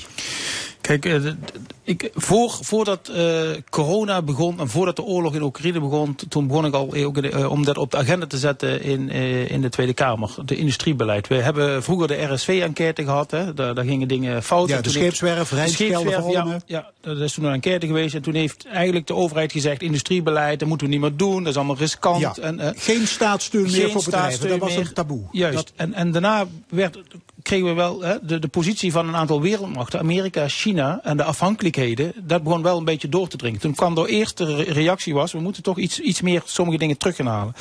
Maar met corona werd het in één keer, kwam het helemaal naar de oppervlakte. We waren in één keer afhankelijk van allerlei producten en diensten. Eh, de, de mondkapjes als symbool. Die hadden we zelfs niet meer. Die maakten we zelfs in Europa niet meer. Vaccinaties, hè, hetzelfde de, de, discussie. En daaroverheen kwam ook nog eens de Oekraïne-oorlog. Toen zagen we in het kader van energie hoe afhankelijk we waren. Hoe, in het kader van grondstoffen. Dus industrie is heel belangrijk. En ik denk ook voor een provincie als Limburg. Hè, ik heb het ook dan ook over de maakindustrie. En er zitten nu in deze tijd kansen en bedreigingen. Kans, ja, maar- zit de industrie in een, in een moeilijk parket? Hebben ze het zwaar? Of? Eh, de industrie aan de ene kant doet het goed, maar als ik zeg, al zitten kansen en bedreigingen. Bedreigingen, als je nu kijkt, hè, als je ziet naar de afhankelijkheden van grondstoffen, waar we eigenlijk als, als, als, als Nederland niet bij stilstaan. Gelukkig komt dat nu wel. Hè. We, gaan, we zijn nu bezig met eh, grondstoffenbeleid. Zelfs Europa is bezig eigenlijk van, hey, we krabben achter onze oren. Ik was eh gisteren, vrijdag, sorry, eh, bij Bakker Magnetics. Dat is een eh, bedrijf, een maakbedrijf in, eh, de regio Eindhoven. Die maken magneetproducten voor windmolens. In elke windmolen zitten maar liefst 12.000 kilo magneten. Maar in elke elektrische auto, de motor, daar zit ook magneet in. Maar magneten komen voor 90%, meer dan 90% uit China. Er is geen ander land wat zoveel magneten maakt dan China. Dus we beginnen nu alweer onze hele verduurzaming, onze nieuwe technologie op te hangen aan één specifiek land. En daar moeten we heel goed over nadenken. Meneer Koenen, u bent eh, voorzitter van de Limburgse Werkgeversvereniging. Ziet u ook een hoop eh, bedreigingen? Bent u het met Amhaus eens wat dat betreft? Ik ben het eh, in zoverre roerend met uh, Mustafa eens. Ehm, ik denk dat het vooral belangrijk is dat we ehm, breed naar het vestigingsklimaat in Nederland blijven kijken. Hè. Wat, wat we nu zien is dat de steeds veranderde overheid ja, niet consistent beleid eh, heeft gevoerd. Ehm, en dat, dat beperkt in ieder geval het vestigingsklimaat in, onze, Ja, in ons en land. dat, dat, daar valt een heleboel aan te verbeteren aan dat vestigingsklimaat Absoluut. in ons land. Absoluut. Ja. Kijk, het- ik denk dat het naïef is om te denken dat eh, b- bedrijven zoals eh Sabiek, eh, ga zo maar door op Gemmelot, dat we die niet nodig hebben in Nederland. Dus dat ben ik roerend eh, eens met Mustafa. Ehm, die bedrijven die zorgen voor heel veel werkgelegenheid eh, in onze provincie. En, en die moeten we eh, denk ik koesteren. hè. Het zijn internationaal opererende bedrijven. Dat als je niet zorgt dat hier de randvoorwaarden goed geregeld zijn. En zijn het gewoon de simpele dingen van personeel eh, tot, tot energie. Eh, als, we die niet op orde hebben, ja, dan, dan jagen we die bedrijven weg. Dus die moeten we koesteren. Meneer Maus, u wil industriepolitiek 2.0, zal ik maar zeggen. Hoe moet dat vorm krijgen? Kunt u concrete dingen noemen? Ja, kijk, eh, 2.0 is alweer een beetje achterhaald. We praten vaak over de smart industrie, maar waar je eigenlijk vanuit moet gaan. Kijk, de- maakindustrie, hè, in, in de toekomstige maakindustrie. De high-tech, waar we in Nederland heel goed zijn, hè, de, de, de, de, de chipindustrie, kent heel veel bedrijven. Mensen denken dan direct alleen maar aan ASML, maar er zitten honderden maakbedrijven in Limburg, Brabant, Overijssel die toeleveren. Als je het hebt over de voedselvoorziening in de wereld, zelfs in Limburg zijn we heel sterk. hè. Kijk eens naar Dinnissen in, eh, in, in Horst. Het maken van eh, machines voor de voedselindustrie. Ook zijn we heel goed in. Medische produ- producten. En wat wij zeggen, wij zeggen, je moet het industriebeleid, eigenlijk is het mijn, mijn voorstel om op vier punten ophangen. Eén, je moet innovatief zijn. Hè? Niet de, de oude industrie moet je hebben. Dus bedenk slimme eh, industrie. En daar hoort heel belangrijk bij de robotisering en digitalisering. We weten allemaal dat Nederland vergrijst, maar Europa vergrijst ook. Ja. En arbeidsproductiviteit is niet meer alleen maar een dingetje voor eh, eh, een bedrijf, maar ook een publiek belang geworden. Ja, dus innovatie is één ding. Eén- Twee? Twee, de regio. Daarom is ook mijn oproep ook aan, aan Ron, maar ook aan de provincie. Daar komt nu een nieuwe college hè, in, in, in Limburg. Maak industriebeleid. Industriebeleid met de provincie, met de gemeentes. Kijk waar de mooie maakbedrijven zitten. Maar ook de maakbedrijven die belangrijk zijn voor Nederland en ook vaak voor Europa. Dat ze de kans krijgen om zich te ontwikkelen. Dus dat is dus twee. innovatief. ik noem dat in de regio. Regionaal. Drie, is talent in beeld. Dat is ons de grootste zorg. Hè. Als we hebben over vestigingsklimaat. Wij zitten nog steeds in Nederland te worstelen. We, hebben, we weten dat wij, in mijn notitie staat het ook, we hebben op het moment 80.000 mbo'ers tekort voor in die maakindustrie. Daar zullen we ook landelijk keuzes moeten maken. Om hoe krijgen we die mensen toch meer weer in die techniek. En de derde, en die is zeker ook voor Limburg belangrijk, de, de, de, de slag of de verbinding met Europa. We zitten hier in een regionale omgeving. In Nederland kan het niet alleen. En in Europa ontstaan hele mooie samenwerkingsverbanden op batterijtechnologie, op, op het, tegenwoordig we noemen dat de cloud-industrie, op de, de chip-industrie. En daar, op dat gebied, hè, op, de, op de, de, de energie, de zonnepanelenindustrie, daar moeten we samenwerken met andere landen. Als we die vier punten nou niet zullen eh, ondersteunen, hè, wat zijn dan de gevolgen? Bent u dan bang dat we straks alleen maar een soort dienstensector overhouden in, in dit land? Ik, ik ben bang. Kijk, eh, eh, er zijn twee dingen. De industrie gaat altijd gepaard met innovatie. Zeker als je het kijkt over de toekomstige maakindustrie. Dus als je de industrie laat gaan en alleen maar naar de dienstensector, dan, dan, gaat op een gegeven moment ook de eh, innovatie weglekken. Het is nu al zover dat eigenlijk meer Nederlands geld naar het buitenland gaat, naar innovatie, dan van het buitenland naar Nederland komt. En we moeten ook eerlijk zijn, kijk eens wat er in de wereld gebeurt. Amerika met de Inflation Reduction Act, die zijn al bezig. Er zijn nu al Hè, voor de Ja, daar, kom, daar kom ik zo meteen Ja, op. Maar nu staan, nu bedrijven staan grote bedrijven niet bijster goed aangeschreven. Hè. Er is veel negatieve publiciteit over DSM, over Shell, over Ja, maar Tata het Steel. industriebeleid is niet alleen maar groot. Ik En dan heb ik, wacht even, dan heb ik het over vervuiling, eh, uitstoot van broeikasgassen, bonussen, verhuizing van hoofdkantoren, fiscale voordelen. Is er maatschappelijk draagvlak voor zo'n steunpakket? Nou ja, dan- Koenen. Eh, Dan, dan denk ik dat ik inderdaad aansluit bij denk ik, wat Mustafa ook wilde, wilde gaan zeggen. Ik denk dat, dat, dat we ons moeten gaan realiseren, bedrijfsleven staat niet synoniem voor Shell en andersom. Hè? Eh, dus eh, ja, ik snap dat. En eh, ook wij als Limburgse werkgeversvereniging geloven juist heel sterk in ondernemen voor brede welvaart. Hè? Dus hoge bonussen en dat soort zaken keuren wij uiteraard af. Ehm, maar ik denk dat het belangrijk is, en uh, Mustafa zegt net ook al... als je kijkt naar de maakindustrie in Limburg... dan bestaat die juist heel erg veel uit uh, midden- en kleinbedrijf, MKB+... wat toeleveranciers zijn van die grote bedrijven. Um, dus uh, ik denk dat we die moeten koesteren... en dat we daar juist die de industriepolitiek op zouden moeten Ja. richten. En u zei er straks, het is heel belangrijk voor Nederland om een eigen maakindustrie te hebben.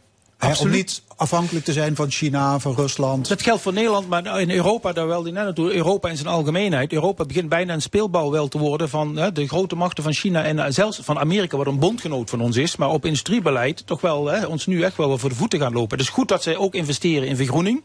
Maar ja, maar als ze met zo'n grote subsidies komen hè, en belastingvoordelen, dat hè, de keuzes of, of een bedrijf hier gaat beginnen of daar, ja, dat is wel een bedreiging. Moet ik even uitleggen. In Amerika hebben ze een grote zak geld uitgetrokken om de eigen industrie te verduurzamen. 370 miljard dollar, daar, daar kun je niks bij voorstellen. 370 miljard. Heeft dat gevolgen voor ons? Dat heeft al. Stoppen de Amerikanen met investeringen in Europa bijvoorbeeld? On, ongetwijfeld heeft het gevolgen voor ons. Hè, we zien het ook eh, in andere landen. Hè. Duitsland eh, eh, trekt ook eh, meer geld uit voor eh, industriepolitiek eh, dan Nederland op dit moment doet. En dat is, dat is wat wij ook proberen te zeggen. Hè. Als het gaat om het vestigingsklimaat eh, van Nederland en van onze provincie, ehm, is het heel erg belangrijk dat we juist daar ook tegenwicht aan, aan gaan bieden. Ja, de firma Rivian was de belangrijkste Ja, kandidaat om, om Netcar over te nemen. Hè? Dat is heeft de minister- om die reden afgehaakt? Ja, letterlijk. De minister, hè, want eerst was dat een beetje, bleef dat in het grijze. Op eh, schriftelijke vragen van mij heeft de minister beantwoord. Rivian is in november niet doorgegaan, omdat ze inderdaad de keuze hebben gemaakt in Amerika voorlopig te blijven. Omdat eh, de Amerikaanse overheid een, eh, een aantrekkelijk bod heeft gedaan. Ja. Maar dat zie je ook met de grote batterijfabrieken die Volkswagen in Duitsland en Tesla in Duitsland. Dat gaat over miljarden investeringen. Die gaan niet door in Duitsland, maar die gaan naar Canada toe. En ik zeg niet dat Amerika dit niet moet doen. Ik zeg alleen, Europa moet proactief goed nadenken wat dat betekent. Wij kunnen niet met de handen over elkaar gaan zitten en wachten dat het vanzelf overwaait. Ja, want die 390 miljard dollar subsidie, dat is een pot honing die ook aantrekkelijk is voor bedrijven hier. Hoe groot is de kans dat productie wordt overgeheveld naar de States? Nou ja, dat, dat, is- dat is een goede vraag. Hè. Dat, die kan ik niet 1, 2, 3 eh, beantwoorden. Maar ik denk wel dat naast een stukje actieve industriepolitiek ook heel erg belangrijk wordt dat de eh, overheid zich nu echt gaat richten op het creëren van de goede randvoorwaarden. Hè, ehm, wij kennen heel veel bedrijven, groot en klein, die zeggen ik wil verduurzamen, maar we hebben nog steeds netcongestie. Eh, moesten we hadden net terecht aan talent in beeld. Ja, arbeidskrachten is gewoon een groot probleem aan het worden. Als we dan het hebben over de internationale studentenstop die afgekondigd wordt in Den Haag. Ja, dat, is voor onze provincie weer helemaal niet van toepassing. Dus ik denk dat het belangrijk wordt dat eh, naast een stukje eh, actieve industriepolitiek de overheid zich vooral ook gaat richten op het direct aanpakken van die randvoorwaarden. VNO-NCW zegt dat deindustrialisatie van Europa op de loer ligt. Dat zijn wel hele grote woorden, hè? Ja, maar ik, ik, ik, heb, eh, ik heb vorige week een debat gehad met Rutte. Daar heb ik Rutte eh, verweten dat hij toch af, af, afwachtend is. Want eh, dan gaat het over Europa. Dan, dan is het beeld van Rutte altijd... ja, Duitsland en Frankrijk die gaan er vandoor. Ik, ik zit er echt anders in. Een Airbus, ik pak het voorbeeld Airbus in Europa. De, de concurrent van Boeing. Die kan geen enkel land in Europa alleen maken. En Airbus is nu de werelds grootste vliegtuigproducent. met Duitsland, Frankrijk en Spanje als grote landen. Maar ook in Nederland, daar kom ik weer terug. Daar zitten verschillende maakbedrijven die materialen leveren, die techniek leveren, die sensoren leveren. Dus wij moeten ook niet bang zijn. We moeten echt als Europa die handen inslaan. En we moeten het vertalen naar bijvoorbeeld het Limburgse of naar het Overijsselse. We zitten hier vandaag in Limburg. Wat betekent dat? Ik zeg ook in mijn eh, voorstel. We moeten kijken of we niet ook een soort vestigingsfonds kunnen creëren hè, met provincie, gemeente en landelijk. Als een bedrijf wat belangrijk is, en dat moet ook toekomstbestendig zijn. Het moet niet oude industrie zijn waar wat je zegt van nou, over vijf jaar bestaat het niet. help mee hoe het bedrijf kan uitbreiden. En dan wil ik niet zeggen dat je het geld in het bedrijf moet stoppen. Maar kijk wel naar de fa- faciliteiten, naar de energievoorziening, naar de toegankelijkheid. Ja, maar kunnen bedrijven dat niet zelf betalen? Want Nee, maar vaak die verdienen toch, Ja, toch maar vaak gaat het heel over, veel geld. ja, maar vaak gaat het over eh, ook infrastructuur, gaat het over eh, de, de toegang tot energie en zoiets allemaal. Kijk, het uitbreiden zelf, dat kunnen ze goed zelf. VDL vorig jaar 300 miljoen euro winst, hè? Nee, ja, kijk, uite- uiteindelijk eh, zijn de winsten die worden door de bedrijven uiteraard gemaakt en weer geïnvesteerd een stukje innovatie en de uitbreidingen op de locatie. Maar het gaat hier vooral om de vragen van de randvoorwaarden.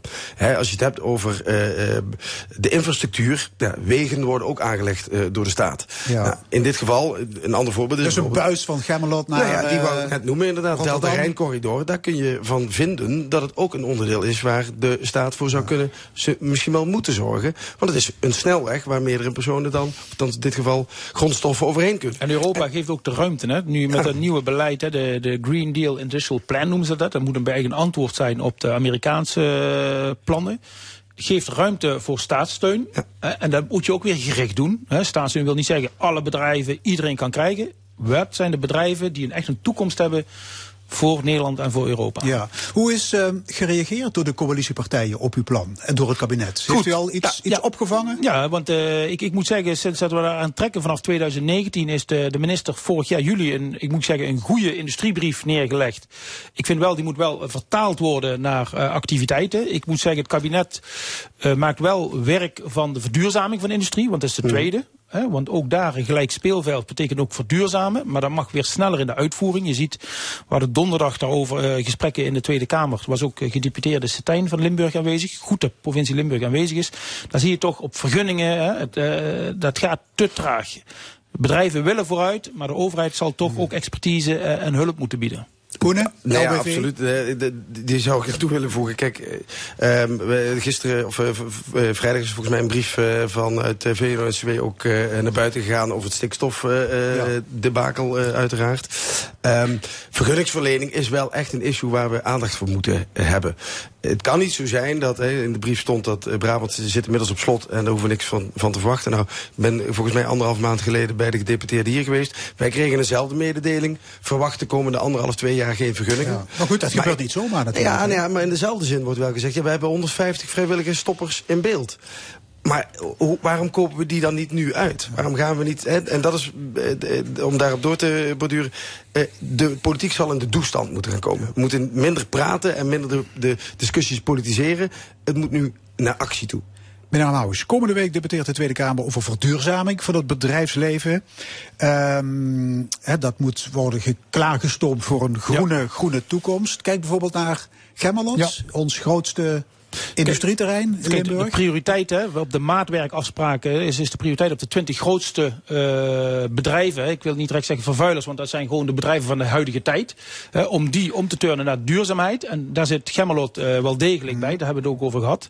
En ik denk dat dat heel belangrijk is. Dus dat zowel de overheid, maar ook de provincie en die bedrijven zelf tempo maken op dat gebied. Want daar zitten namelijk ook weer heel veel, heel veel kansen. En terugkomen op het punt van eh, Ron over stikstof. Ja, we leven sinds vorige week, eh, moet ik ook zeggen, wel in een andere eh, realiteit. Hè? Dus de, de, de kiezer heeft zich ook in die zin zich laten horen. En denk met name ook op, op stikstofbeleid. En ja, we zullen toch samen, even los, uit, de, uit, uit de, de, de putjes moeten komen. Eh, En toch de handen ineens slaan. Hoe kunnen we toch ook dat stikstofbeleid beter uitvoerbaar maken? Want anders is echt. En de boeren zijn de pineut. En de MKB'ers zijn de pineut. En de, de, de hoe noem ik dat? Eh, de mensen zelf, hè, met mobiliteit, ook de pineut. Want daar leggen we geen weg meer aan. Ja, je kunt industriepolitiek gaan voeren, maar eh, veel marktbedrijven, het is al gezegd, hebben geen personeel. Hè. Er is een chronisch gebrek aan, aan techneuten en andere vakmensen. Wat moet er op het gebied van het gebeuren? Nou ja, ik, ik denk dat... Koenen, Limburgse werkgevers. Ja, ik denk dat de oproep daar is vooral eh, dat, dat onderwijs, daar moet meer aandacht zijn voor techniekonderwijs. Maar dat begint ook bij de bedrijven zelf. Hè.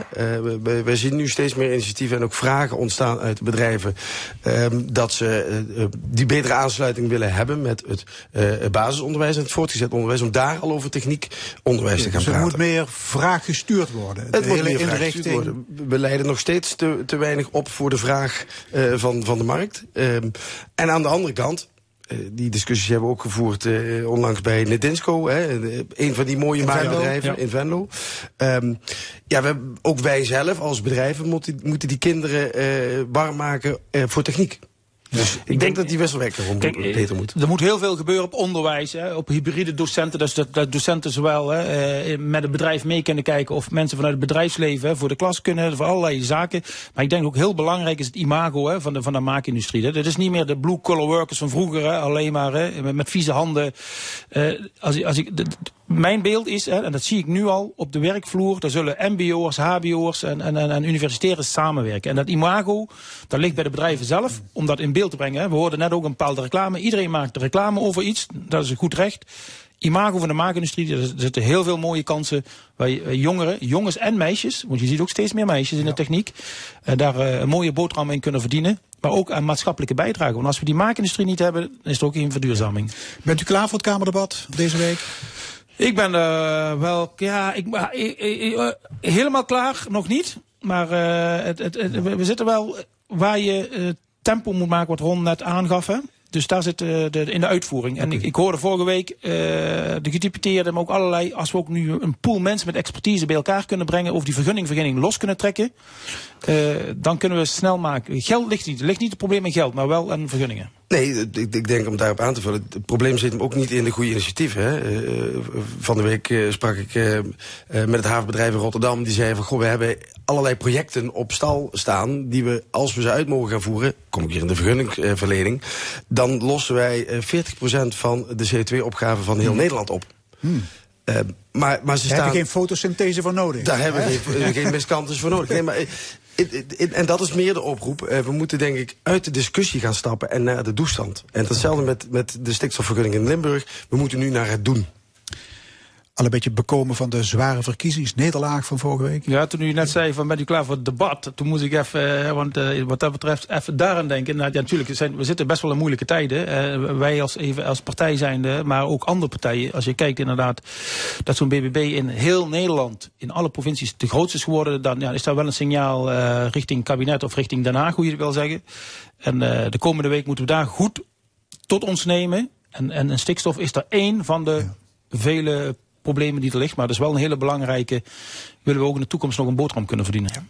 Meer erover straks in ons discussiepanel. Hartelijk dank, CDA Tweede Kamerlid Mustafa Amhaus en Ron Koenen, voorzitter van de Limburgse Werkgeversvereniging. En dit is L1 tot 1 uur zijn we dan met de stemming over politiek, wetenschap en cultuur. Zometeen de column van Jos van Wersch, maar nu eerst Supertramp, Breakfast in America.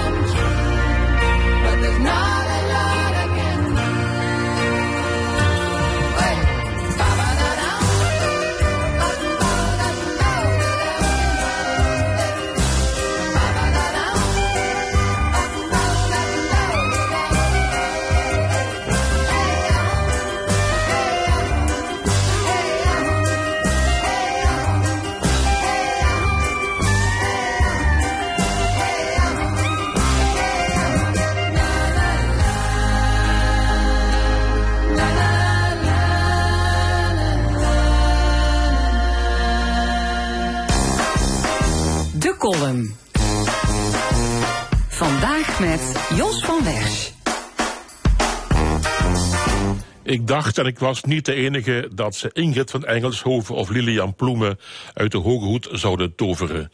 Zelfs Frans Timmermans en Frans Teunis werden genoemd. Maar nee, de overwinning werd opgeëist door een Dark Horse uit Brabant. Wim Hillenaar is niet de nieuwe linksback van MVV, want dat dachten enkele raadsleden. De polyglot Hillenaar is, Oniswa Kimalipans, de nieuwe burgemeester van Maastricht. Voorheen was hij dat in Kuik. Dan speel je als burgemeester bepaald geen Champions League, maar sta je in het rechte rijtje van de keukenkampioen divisie, net als MVV op het eind van dit seizoen. Hillenaar was in between, oftewel op zoek naar een nieuwe baan. In december werd niet de gedoodverde kandidaat Hillenaar, maar een andere voorgedragen als burgemeester van de nieuwe fusiegemeente Land van Kuik.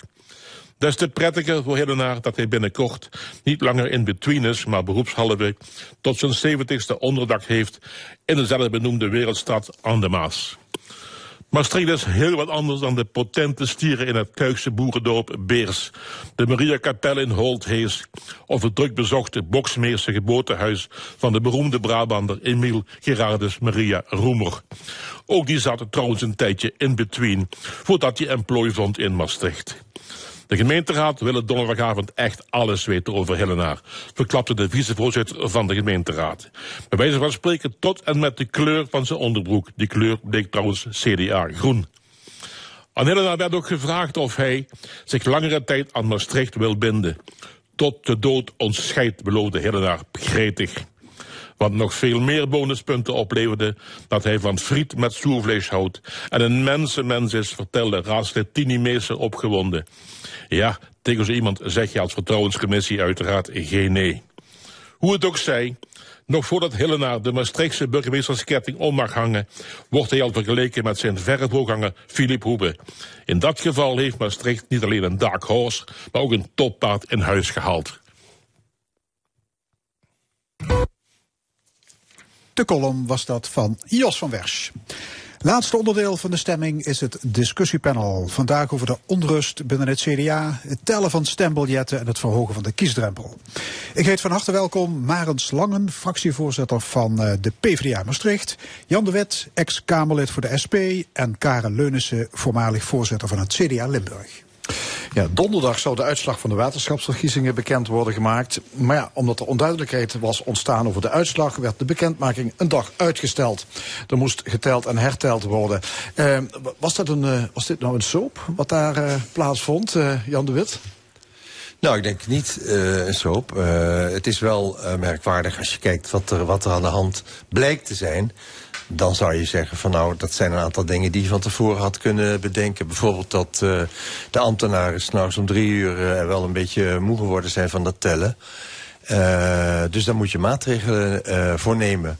Dat geldt ook voor computermateriaal. Als dat niet in orde is, dat moet je van tevoren gewoon uittesten. Dus ik denk dat een aantal zaken wel te voorzien waren.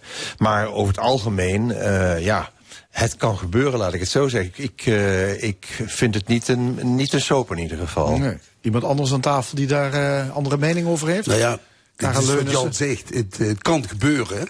Maar dit eh, had toch wel de schijn van eh, dat ze niet echt goed in de, in, de- in de sfeer zaten van die verkiezingen om die goed te laten verlopen. Uitputting van de ambtenaren, die moesten tellen midden in de nacht naar de provinciale Het is niet de eerste staten. keer dat we verkiezingen organiseren in dit land. Nee, maar, Dus- wel- een lagere opkomst, anders georganiseerd wellicht ook. Maar ik vind zo'n computerfout, hè, zo'n Excel-sheet die niet goed eh, opgesteld is... waardoor die optelsom verkeerd uitpakken, 30.000 mensen op verkeerde partijen terechtkwamen. Ja, 30.000.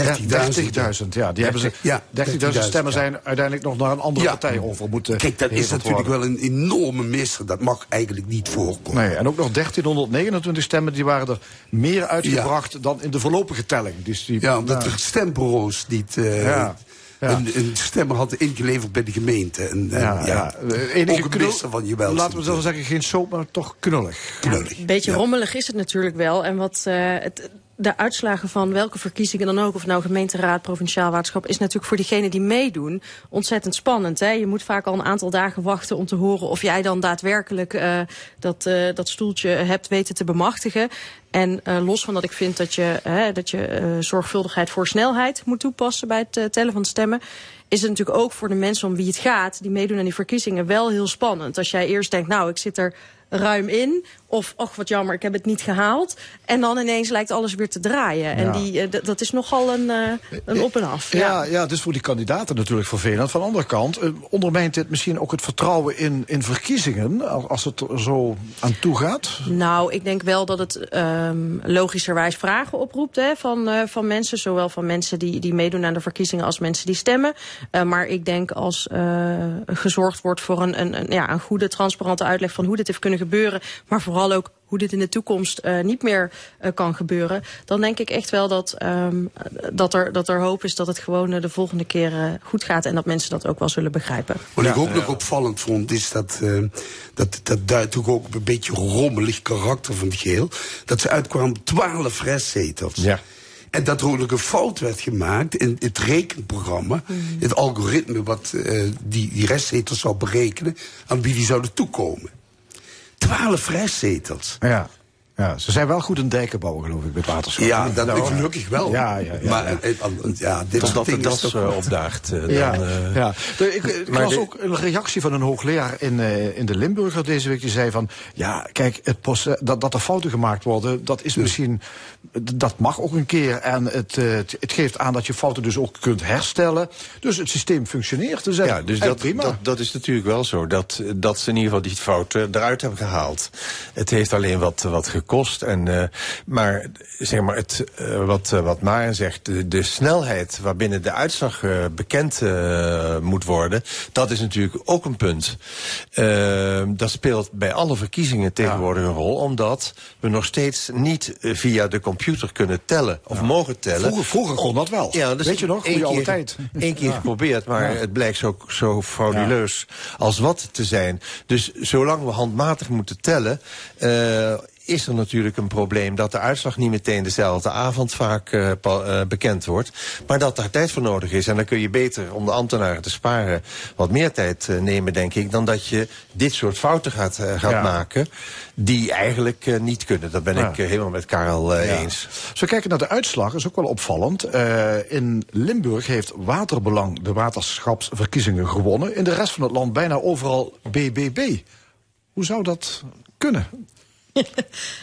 Ja, er is natuurlijk over uh, waterbelang uh, in Limburg ontzettend veel te doen geweest de afgelopen weken. Ik geloof dat we nog nooit zoveel bij, uh, bij meneer uh, op tv zijn geweest. En ik ben ook benieuwd wat hij deze week... Hij zal vast wel weer iets gezegd hebben over deze stemming.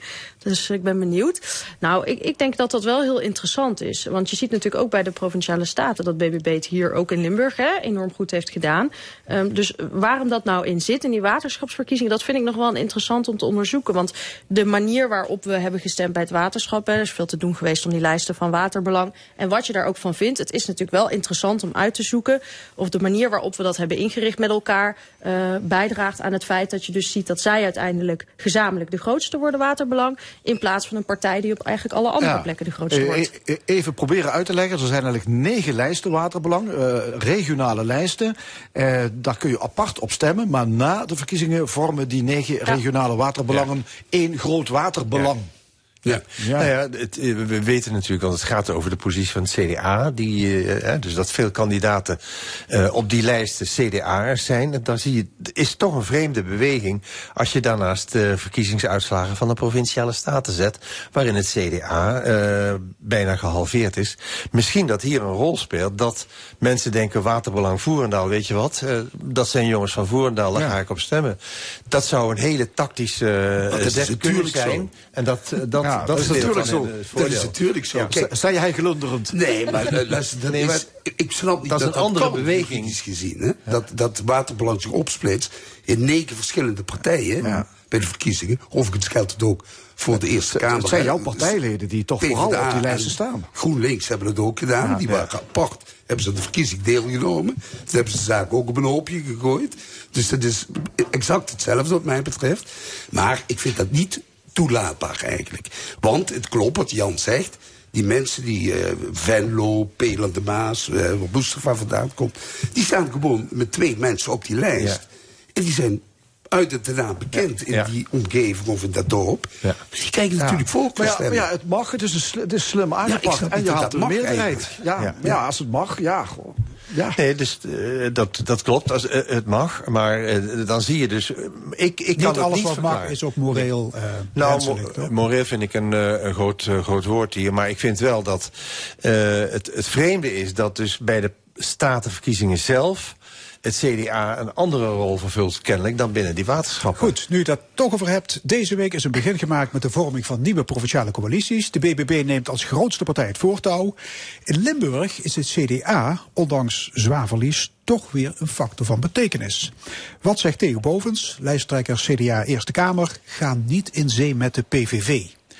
Karel Leunissen, je bent van, van het CDA. Wat, wat vind jij? Nou, ik denk dat punt 1 is de, BBB die het voortouw moet nemen in die eh, co- coalitiebesprekingen. Ik weet niet hoe het verkiezingsprogramma van de PVV eh, eruit ziet. En of dat enigszins overeenkomt met BBB en of CDA.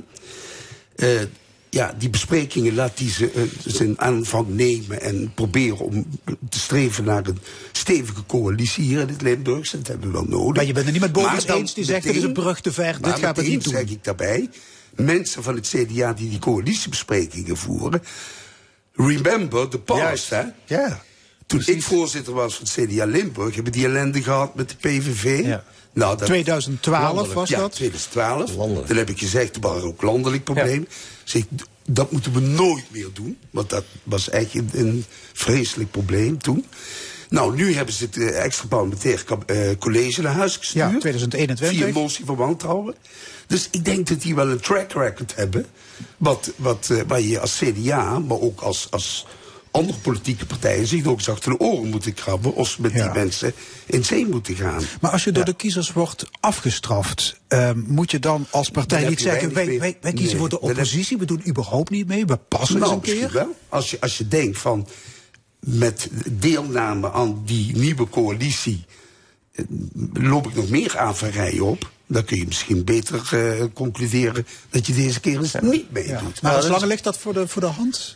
Nou ja, kijk, het, het is natuurlijk ehm, iets anders speelt wel ook mee in, vind ik, in die discussie over eh, wel of niet samengaan met de PVV nu. Wat, wat mij opviel was dat voor de verkiezingen eh, bijvoorbeeld de partij van D66 heel bewust zei: wij willen niet samen met de PVV en FVD. Ehm, en daar vonden andere partijen wat van, hè, ik onder andere ook.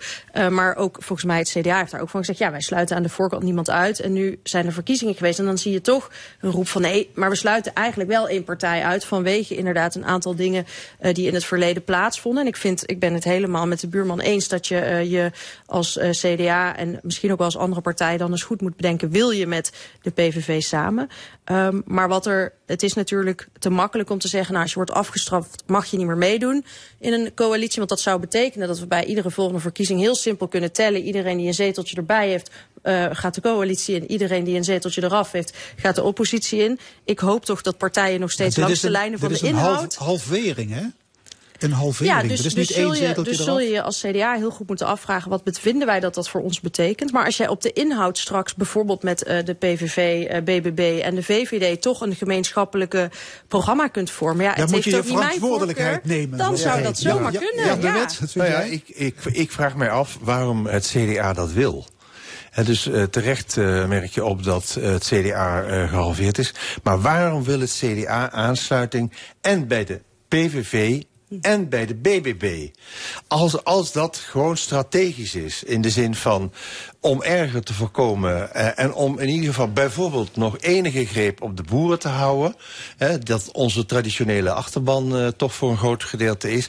dan moeten wij ons aansluiten bij de PVV en ook bij de BBB... waar ik denk dat het CDA gewoon ten onder gaat eh, in zo'n in zo'n Dat heeft coalitie. het CDA ook niet gezegd, Jan, hè? Nee, Ze dus ik gezegd zeg, dat die- is mijn, mijn idee.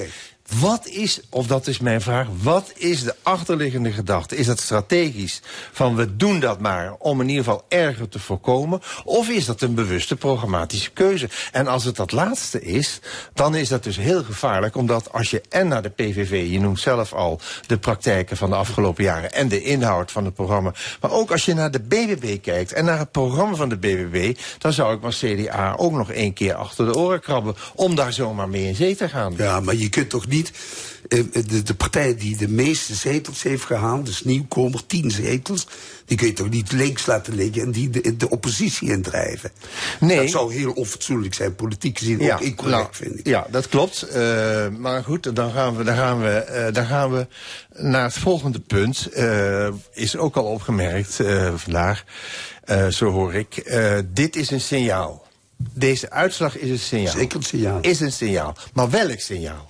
Wat is dat voor een signaal? Het terecht zegt ieder weldenkend commentator die ik op de radio en televisie hoor, bijvoorbeeld Kees Boonman, toch niet de eerste de beste, die zegt: mensen, niet iedere stem op de BBB is een stem voor een ander stikstofbeleid. Die aantallen boeren die zijn buitengewoon klein, maar dat is een proteststem van heel veel mensen. Als je kijkt waar de kiezers vandaan komen. Ja, op de het- BBB. dat kun je wel proberen zo uit te leggen. 18% VVD, 17% CDA, 9% SP. Helaas, die vliegen geldt niet op, Jan. Nee, maar dus je Spijt kunt niet... Welk signaal geven ze af? signaal niet wat ze een afgeven- eenduidig signaal. Nee, dat kan niet. signaal wat, wat, wat toch door de meeste politici goed gezien wordt, hè, is dat ze afgerekend hebben met het kabinetsbeleid. Juist. Juist. En dat betekent niet Ja. alleen op, op gebied van stikstof, Ja, maar het heeft ook te maken met de eh asielaanvraag, Ja. de milieu, migratie, de instroom. Dat heeft te maken met de schandaal, de, de, de toeslagenschandaal. Dat heeft te maken met de afhandeling in. Groningen. Ja. Van de schade daar. Ze Ja. laten alles liggen, ze pakken niks op. Ja. En de toename van de armoede. Dat klopt, maar een, stem op de, de een- maar een problemen stem op de BBB... en de BBB nu de leiding geven aan de, aan de, Aan de BBB, als informatie... mevrouw- dat is natuurlijk prima, Het is maar mijn- het is geen garantie... voor dat andere beleid Nee, op nee. stikstof, Maar op het is wel een- migratie, het is wel- op eh, huren, wonen enzovoort. Al die, al die dossiers, voor- al die onderwerpen blijven allemaal liggen. Ja. Of het wordt nog erger. Maar voor de coalitie, eh, de coalitie nu die in Den Haag zit, heeft de bel wel duidelijk geklonken op dit Dat moment. is ook zo. En die moeten toch eigenlijk op het schreden passen. En proberen om die koers toch enigszins te wijzigen. Maar als we het even beperken tot dat stikstofbeleid, moet het coalitieakkoord worden opengebroken door dit signaal van de kiezer? Of, Ik denk of dat- is het dat- afspraak, is afspraak? Ja, ik, D66. nee, ik denk, eh, kijk, die afspraak is nog helemaal geen afspraak. Bijvoorbeeld als het gaat om 2030 of 2035, dan moet er een nieuwe Nee, wet voor maar er wordt, dus D66 zegt, de problematiek is 63, niet veranderd. de- we moeten de- gewoon door, Wat mij betreft is dat het grote probleem. Ja. Die zitten er zo rigide en geharnast in. Ja. Die, die, die, de afschu- afschuwelijk vind ik dat. En dan moeten de coalitie, andere coalitiepartijen, VVD, CDA en eventueel ook ChristenUnie, die moeten daar een beetje weerwoord aan bieden. En zeggen, wij gaan dat op een nette manier regelen. En de tijd die het kost, kost het. Maar we gaan dat goed afhandelen. Maar slag, is D66 te rigide op dit? Nou ja, dat, dat is best een ingewikkelde vraag. Hè? Want je zou natuurlijk kunnen zeggen vanuit eh, de, de ogen van andere partijen... en ook vanuit de ogen van de kiezers... die inderdaad een erg duidelijk signaal hebben gegeven vorige week... of twee weken geleden inmiddels... van ja, ehm, misschien iets minder rigide, iets, iets meer meedenken, flexibiliteit. Aan de andere kant zijn er natuurlijk ook heel veel kiezers... die juist vanwege een standpunt hebben gezegd... nou D66, wij geven onze stem aan jullie. Want jullie staan daarvoor, jullie zeggen hè, afspraak is afspraak. Als het gaat om jaartal, als het gaat om eh, doelen. Ik denk dat het vooral belangrijk is binnen, ehm, eh, binnen, in ieder geval binnen die stikstofaanpak, dat we, eh, dat we stappen gaan zetten en dat we daar niet meer lang mee wachten. En dat je ook kijkt, hè, wat, wat, kan, wat kunnen we ondernemen, wat kan wel. Ehm, maar ik, ik denk wel dat er eens een heel goed gesprek, en volgens mij gaan ze dat dinsdag ook doen, eh, gevoerd moet worden binnen, binnen het huidige kabinet en tussen die vier partijen. Ja, er dat is weer een, weer een alarmerend wetenschappelijk rapport verschenen van de, van de VN-commissie. Het is toch 2 voor 12 op dat gebied, Jan? Dat is Ja, dat is het ook. Dat is wel anders. Dat, dat, dat, dat, het is 2 voor 12. Eh, ik las in de krant, eh, in de, de Volkskrant, dat de veestapel het afgelopen jaar weer groter is, eh, is geworden. Dus de problemen die worden dus bijna on, onbeheersbaar. Het openbreken van het coalitieakkoord is volgens mij geen enkele optie. A, er is nog geen beleid. Er is geen enkel duidelijk beleid. Behalve dat je dus twee dingen weet. Eén, de Raad van State heeft een duidelijke uitspraak gedaan. Twee, eh 2030 is in ieder geval een, een, een, een jaartal. Dat, eh, dat, eh, dat genoemd is. En daarvan heeft Remkes gezegd, bijvoorbeeld.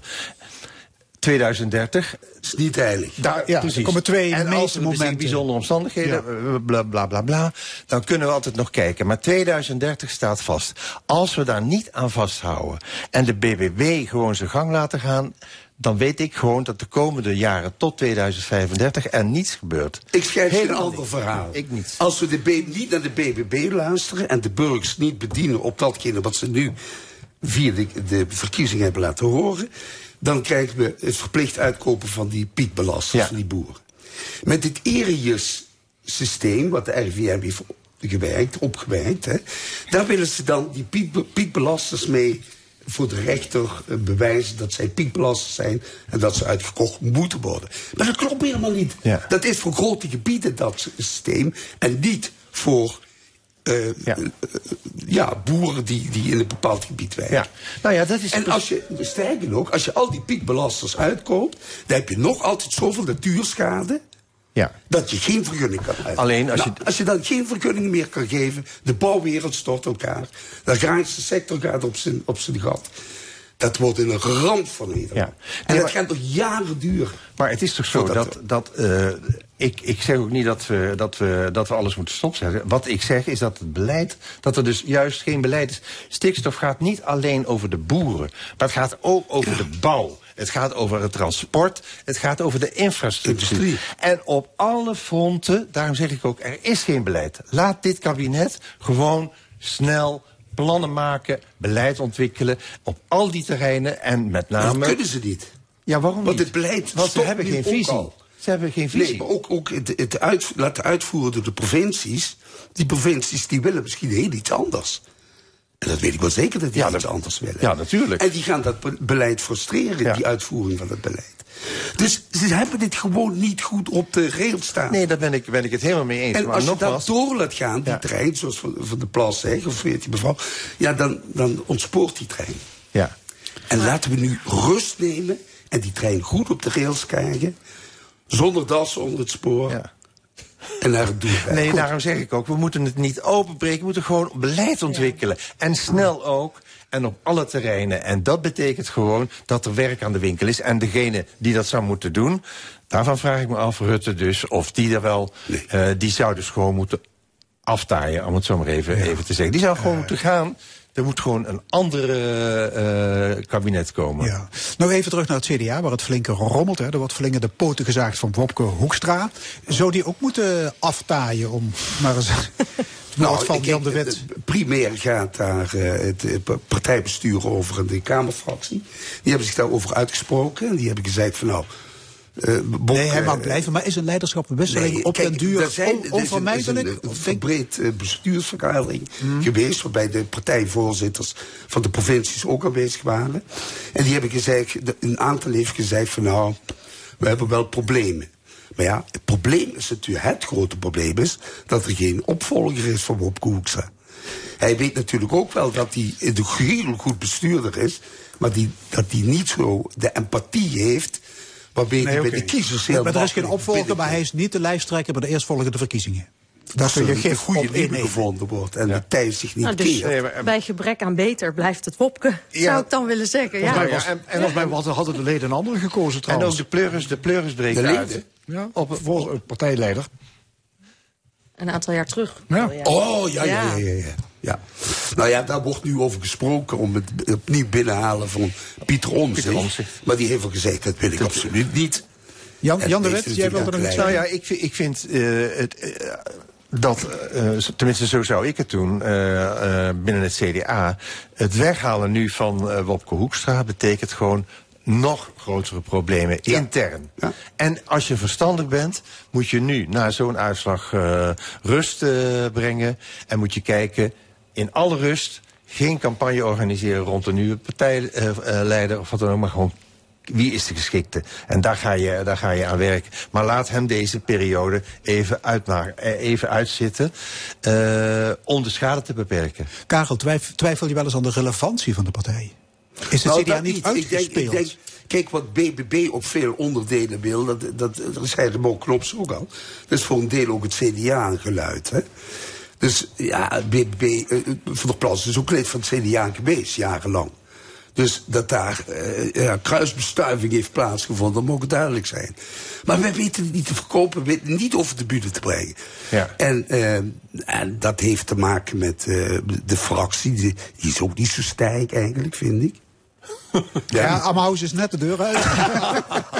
Nee, maar, maar die, die, die vind ik ook niet zo sterk. En, en, ja, en die, die, ik vind die bewindslieden bestuurlijk wel op zich goed. Maar ze, ze laten zich te zeer piepelen. Dat kabinet, dat zijn onderlinge gijzelnemers, zei dat. D66 die heeft het CDA gewoon helemaal in de klem op dit moment. En Rutte natuurlijk ook. Ook de VVD wordt door D66 gegijzeld. Dat is een groot probleem, hoor. Ja. Eh, we gaan naar een eh, ander onderwerp. Ehm, ruim, twee, nee, ruim 41.000 mensen hebben een petitie getekend voor het verhogen van de kiesdrempel voor de Tweede Kamer. Ja, als dat wordt ingevoerd, dan zou een partij eerst genoeg stemmen moeten hebben om drie zetels te halen. En dan kom je dus pas in die Tweede Kamer. Is dat een goed idee, Marend Slangen?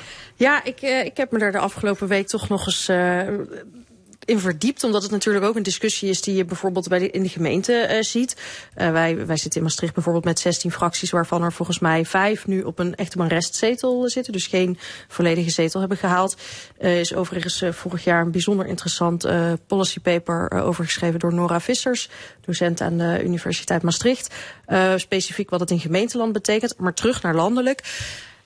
De, de vraag is volgens mij waarom en uh, welk symptoom wil je bestrijden of welke zorg wil je wegnemen door het invoeren en verhogen van die kiesdrempel? Is dat uh, dat je vindt dat de Kamerleden op dit moment zoveel werk hebben omdat de fracties steeds kleiner worden, dus je moet veel meer werk met veel minder mensen uh, weten te verstouwen. Als, als dat het probleem is, dan zou je ook eens kunnen kijken van hé, hey, is die uh, Tweede Kamer in de vorm zoals die nu is, met die 150 mensen, is die nog wel van deze tijd?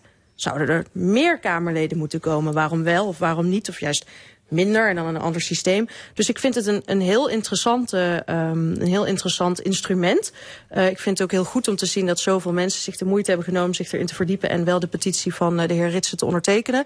Um, maar ik denk wel dat je breder moet kijken naar andere mogelijkheden als, als, je, als je de kern van het probleem ziet zitten in het werk van de Tweede Kamerleden en in die versplintering. Ik denk Ja. niet dat alleen de kiesdrempel verhogen dat oplost. Ja, want die versplintering, dat was wel een van de, ja, van de speerpunten van de mensen die die petitie hebben opgezet. Hè. Die zeggen van, eh, er zitten nu gewoon te veel partijen Ja. in die Tweede Kamer. Dus met zo'n kiesdrempel zou je dat aantal nou, kunnen beperken. Klopt dat, Jan de Wit? Eh, ja, het ligt er maar aan. eh, eh, het ligt er maar aan vanuit welk oogpunt je dit bekijkt. Want het is toch in ieder geval een goed principe, denk ik, en ook een democratisch principe, dat mensen die in de politiek willen dat moeten kunnen doen. Even gewoon wat iedereen natuurlijk onmiddellijk nu opmerkt bij, de plannen van Ritsen is dat de BBB never nooit niet in de Tweede Kamer was geweest met zijn, met zijn plan. En we dus een heel groot probleem hadden gehad met deze uitslag rond de provinciale staten. Maar dat even, even terzijde. Het belangrijk principe is dat mensen die willen. Uh, die zich in de politiek willen bewegen, die vinden dat ze iets te zeggen hebben, dat moet kunnen. En ik denk dat een heel groot uh, probleem, uh, dat, waar, waar Ritsen het over heeft, dus zeg maar veel mensen langdurige debatten. Kijk, dat zijn in feite praktische problemen die je kunt oplossen met een bepaald spelregel. Uh, je kunt uh, de, de, de, bekende probleem van de spreektijd. Je kunt uh, werken met intekenlijsten. No, enfin, noem maar op. Je kunt meerdere vergaderingen. Want dat vind ik dus ook nog steeds heel merkwaardig. Heb ik toen ik in de Tweede Kamer zat ook vaker voorgesteld. Waarom moet, is er maar één plenaire zaal? Waarom is dat? Want in die plenaire zaal zitten bij een gemiddeld debat vijf Kamerleden. Waarom hebben we er dan geen twee? Dan kunnen we twee plenaire debatten bewijzen. Of drie. Ik noem maar eens wat.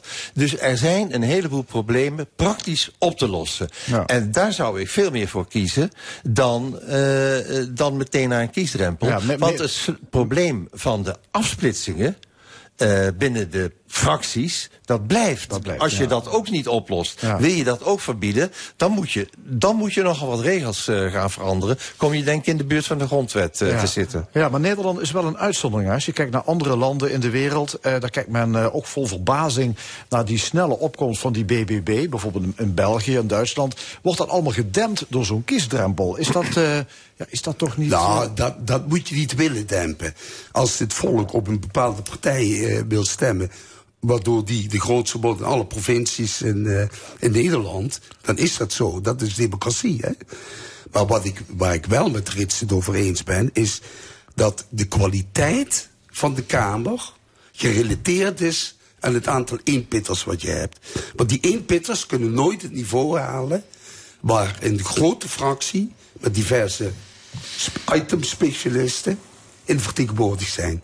Die kunnen veel beter werk leveren en veel betere inbreng leveren dan zo'n eenpitter die met wat one-liners schreeuwt. Dus de, de, de kwaliteit van ehm, de wetgeving bijvoorbeeld komt, gaat, ja. is in gevaar hierdoor. En die willen toch zich laten horen, hè, want ze zijn immers gekozen.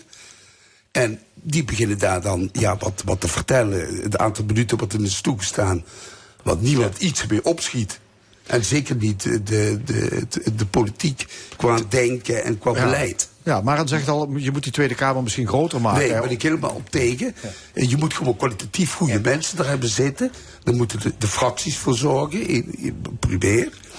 En dan eh, moet je natuurlijk zo min mogelijk partijen hebben met, met goede geselecteerde mensen die elkaar aanvullen en die constructief kunnen bijdragen aan het eh, beleid. Toen ik, in, to- to- toen ik in de Tweede Kamer eh, kwam, zaten we met twee zetels daar. Wat betekende kiezen.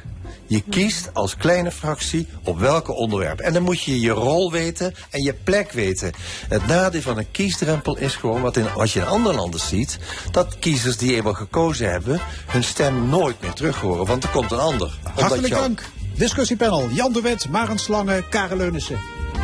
En dit was de stemming vandaag gemaakt door Perry Eurlings, Fons Geraas en Frank Ruber. Graag tot volgende week zondag, 11 uur. En dit programma is na te luisteren op onze website l1.nl. Zometeen op deze zender een uurtje non-stop muziek en daarna sport. Ik wens u nog een mooie zondag.